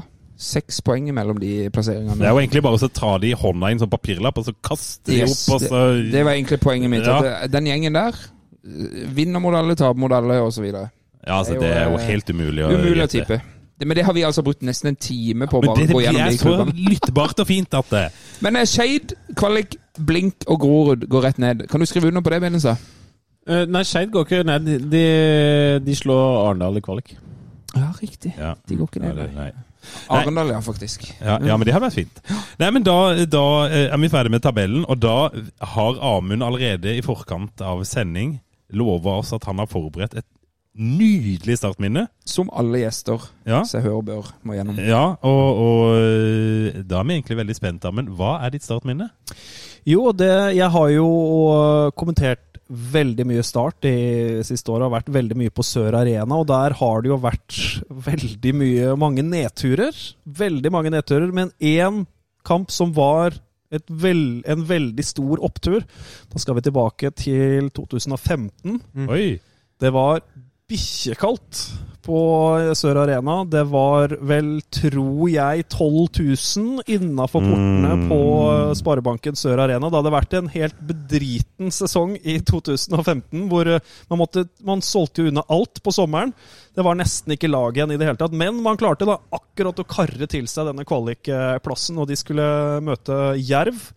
Det var eh, en eh, ikke en god fotballkamp på, på Levemyr, på Holka, på Ja, det, Holka var jo, det var jo renere skøytebanen.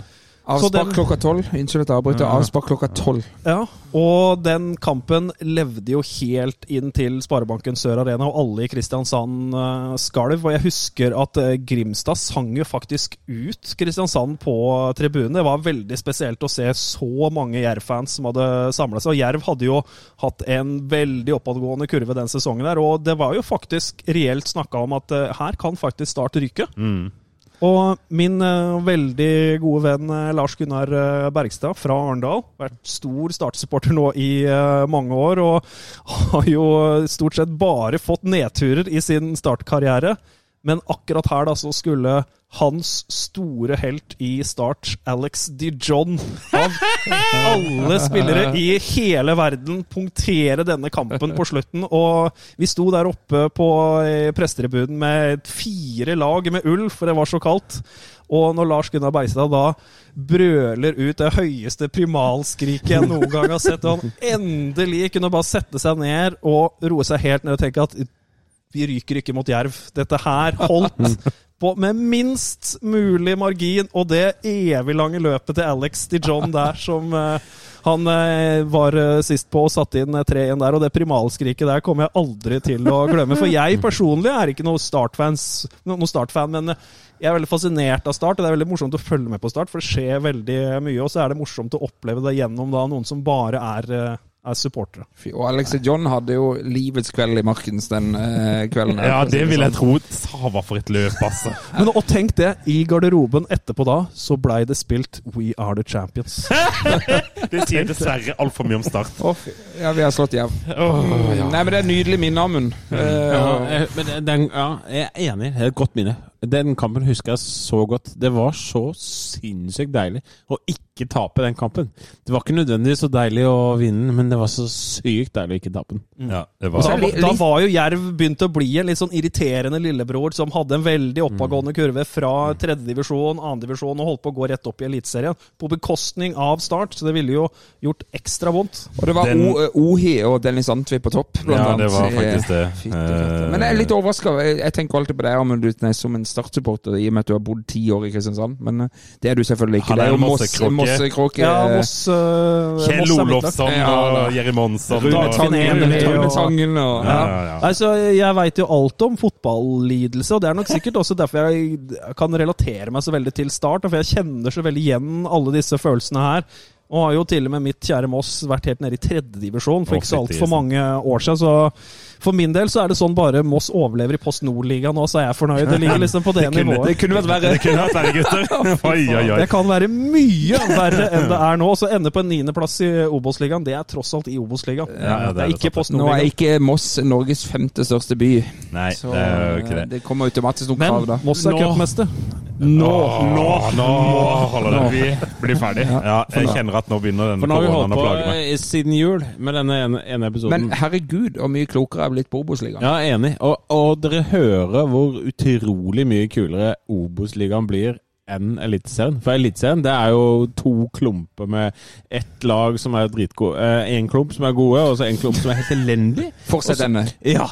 Og så Obos-ligaen. Det er skal, Smørje. Ja. Det blir helt utrolig bra. Og så ender det opp med at Brann rykker opp, Fredrikstad rykker- opp, og Start slår ja, Hvem skal vi slå i kvalik? Tromsø. Tromsø Ja, det er langt opp dit, da. Ja, det- Kanskje det- Jerv til og med, da. Tenk om vi slår Jerv i en kvalik. Slå Jerv på Intility i oktober. hvor mange dager skal vi Oktober, det blir desember i hvert fall, tror jeg. Jeg tror det er oktober, Men før det er uansett- Qatar-dritet. Ja. Uansett. Start ender på sjetteplass. Ja. Brann og Fredrikstad går rett opp. Ja, og da sier vi gutter Heia Start. Heia Start! Heia Start. Jeg ser inn i 22 resignerte ender! Hvor er gløden? Hvor er ansvarsforholdet? Vi ingen tid å tape!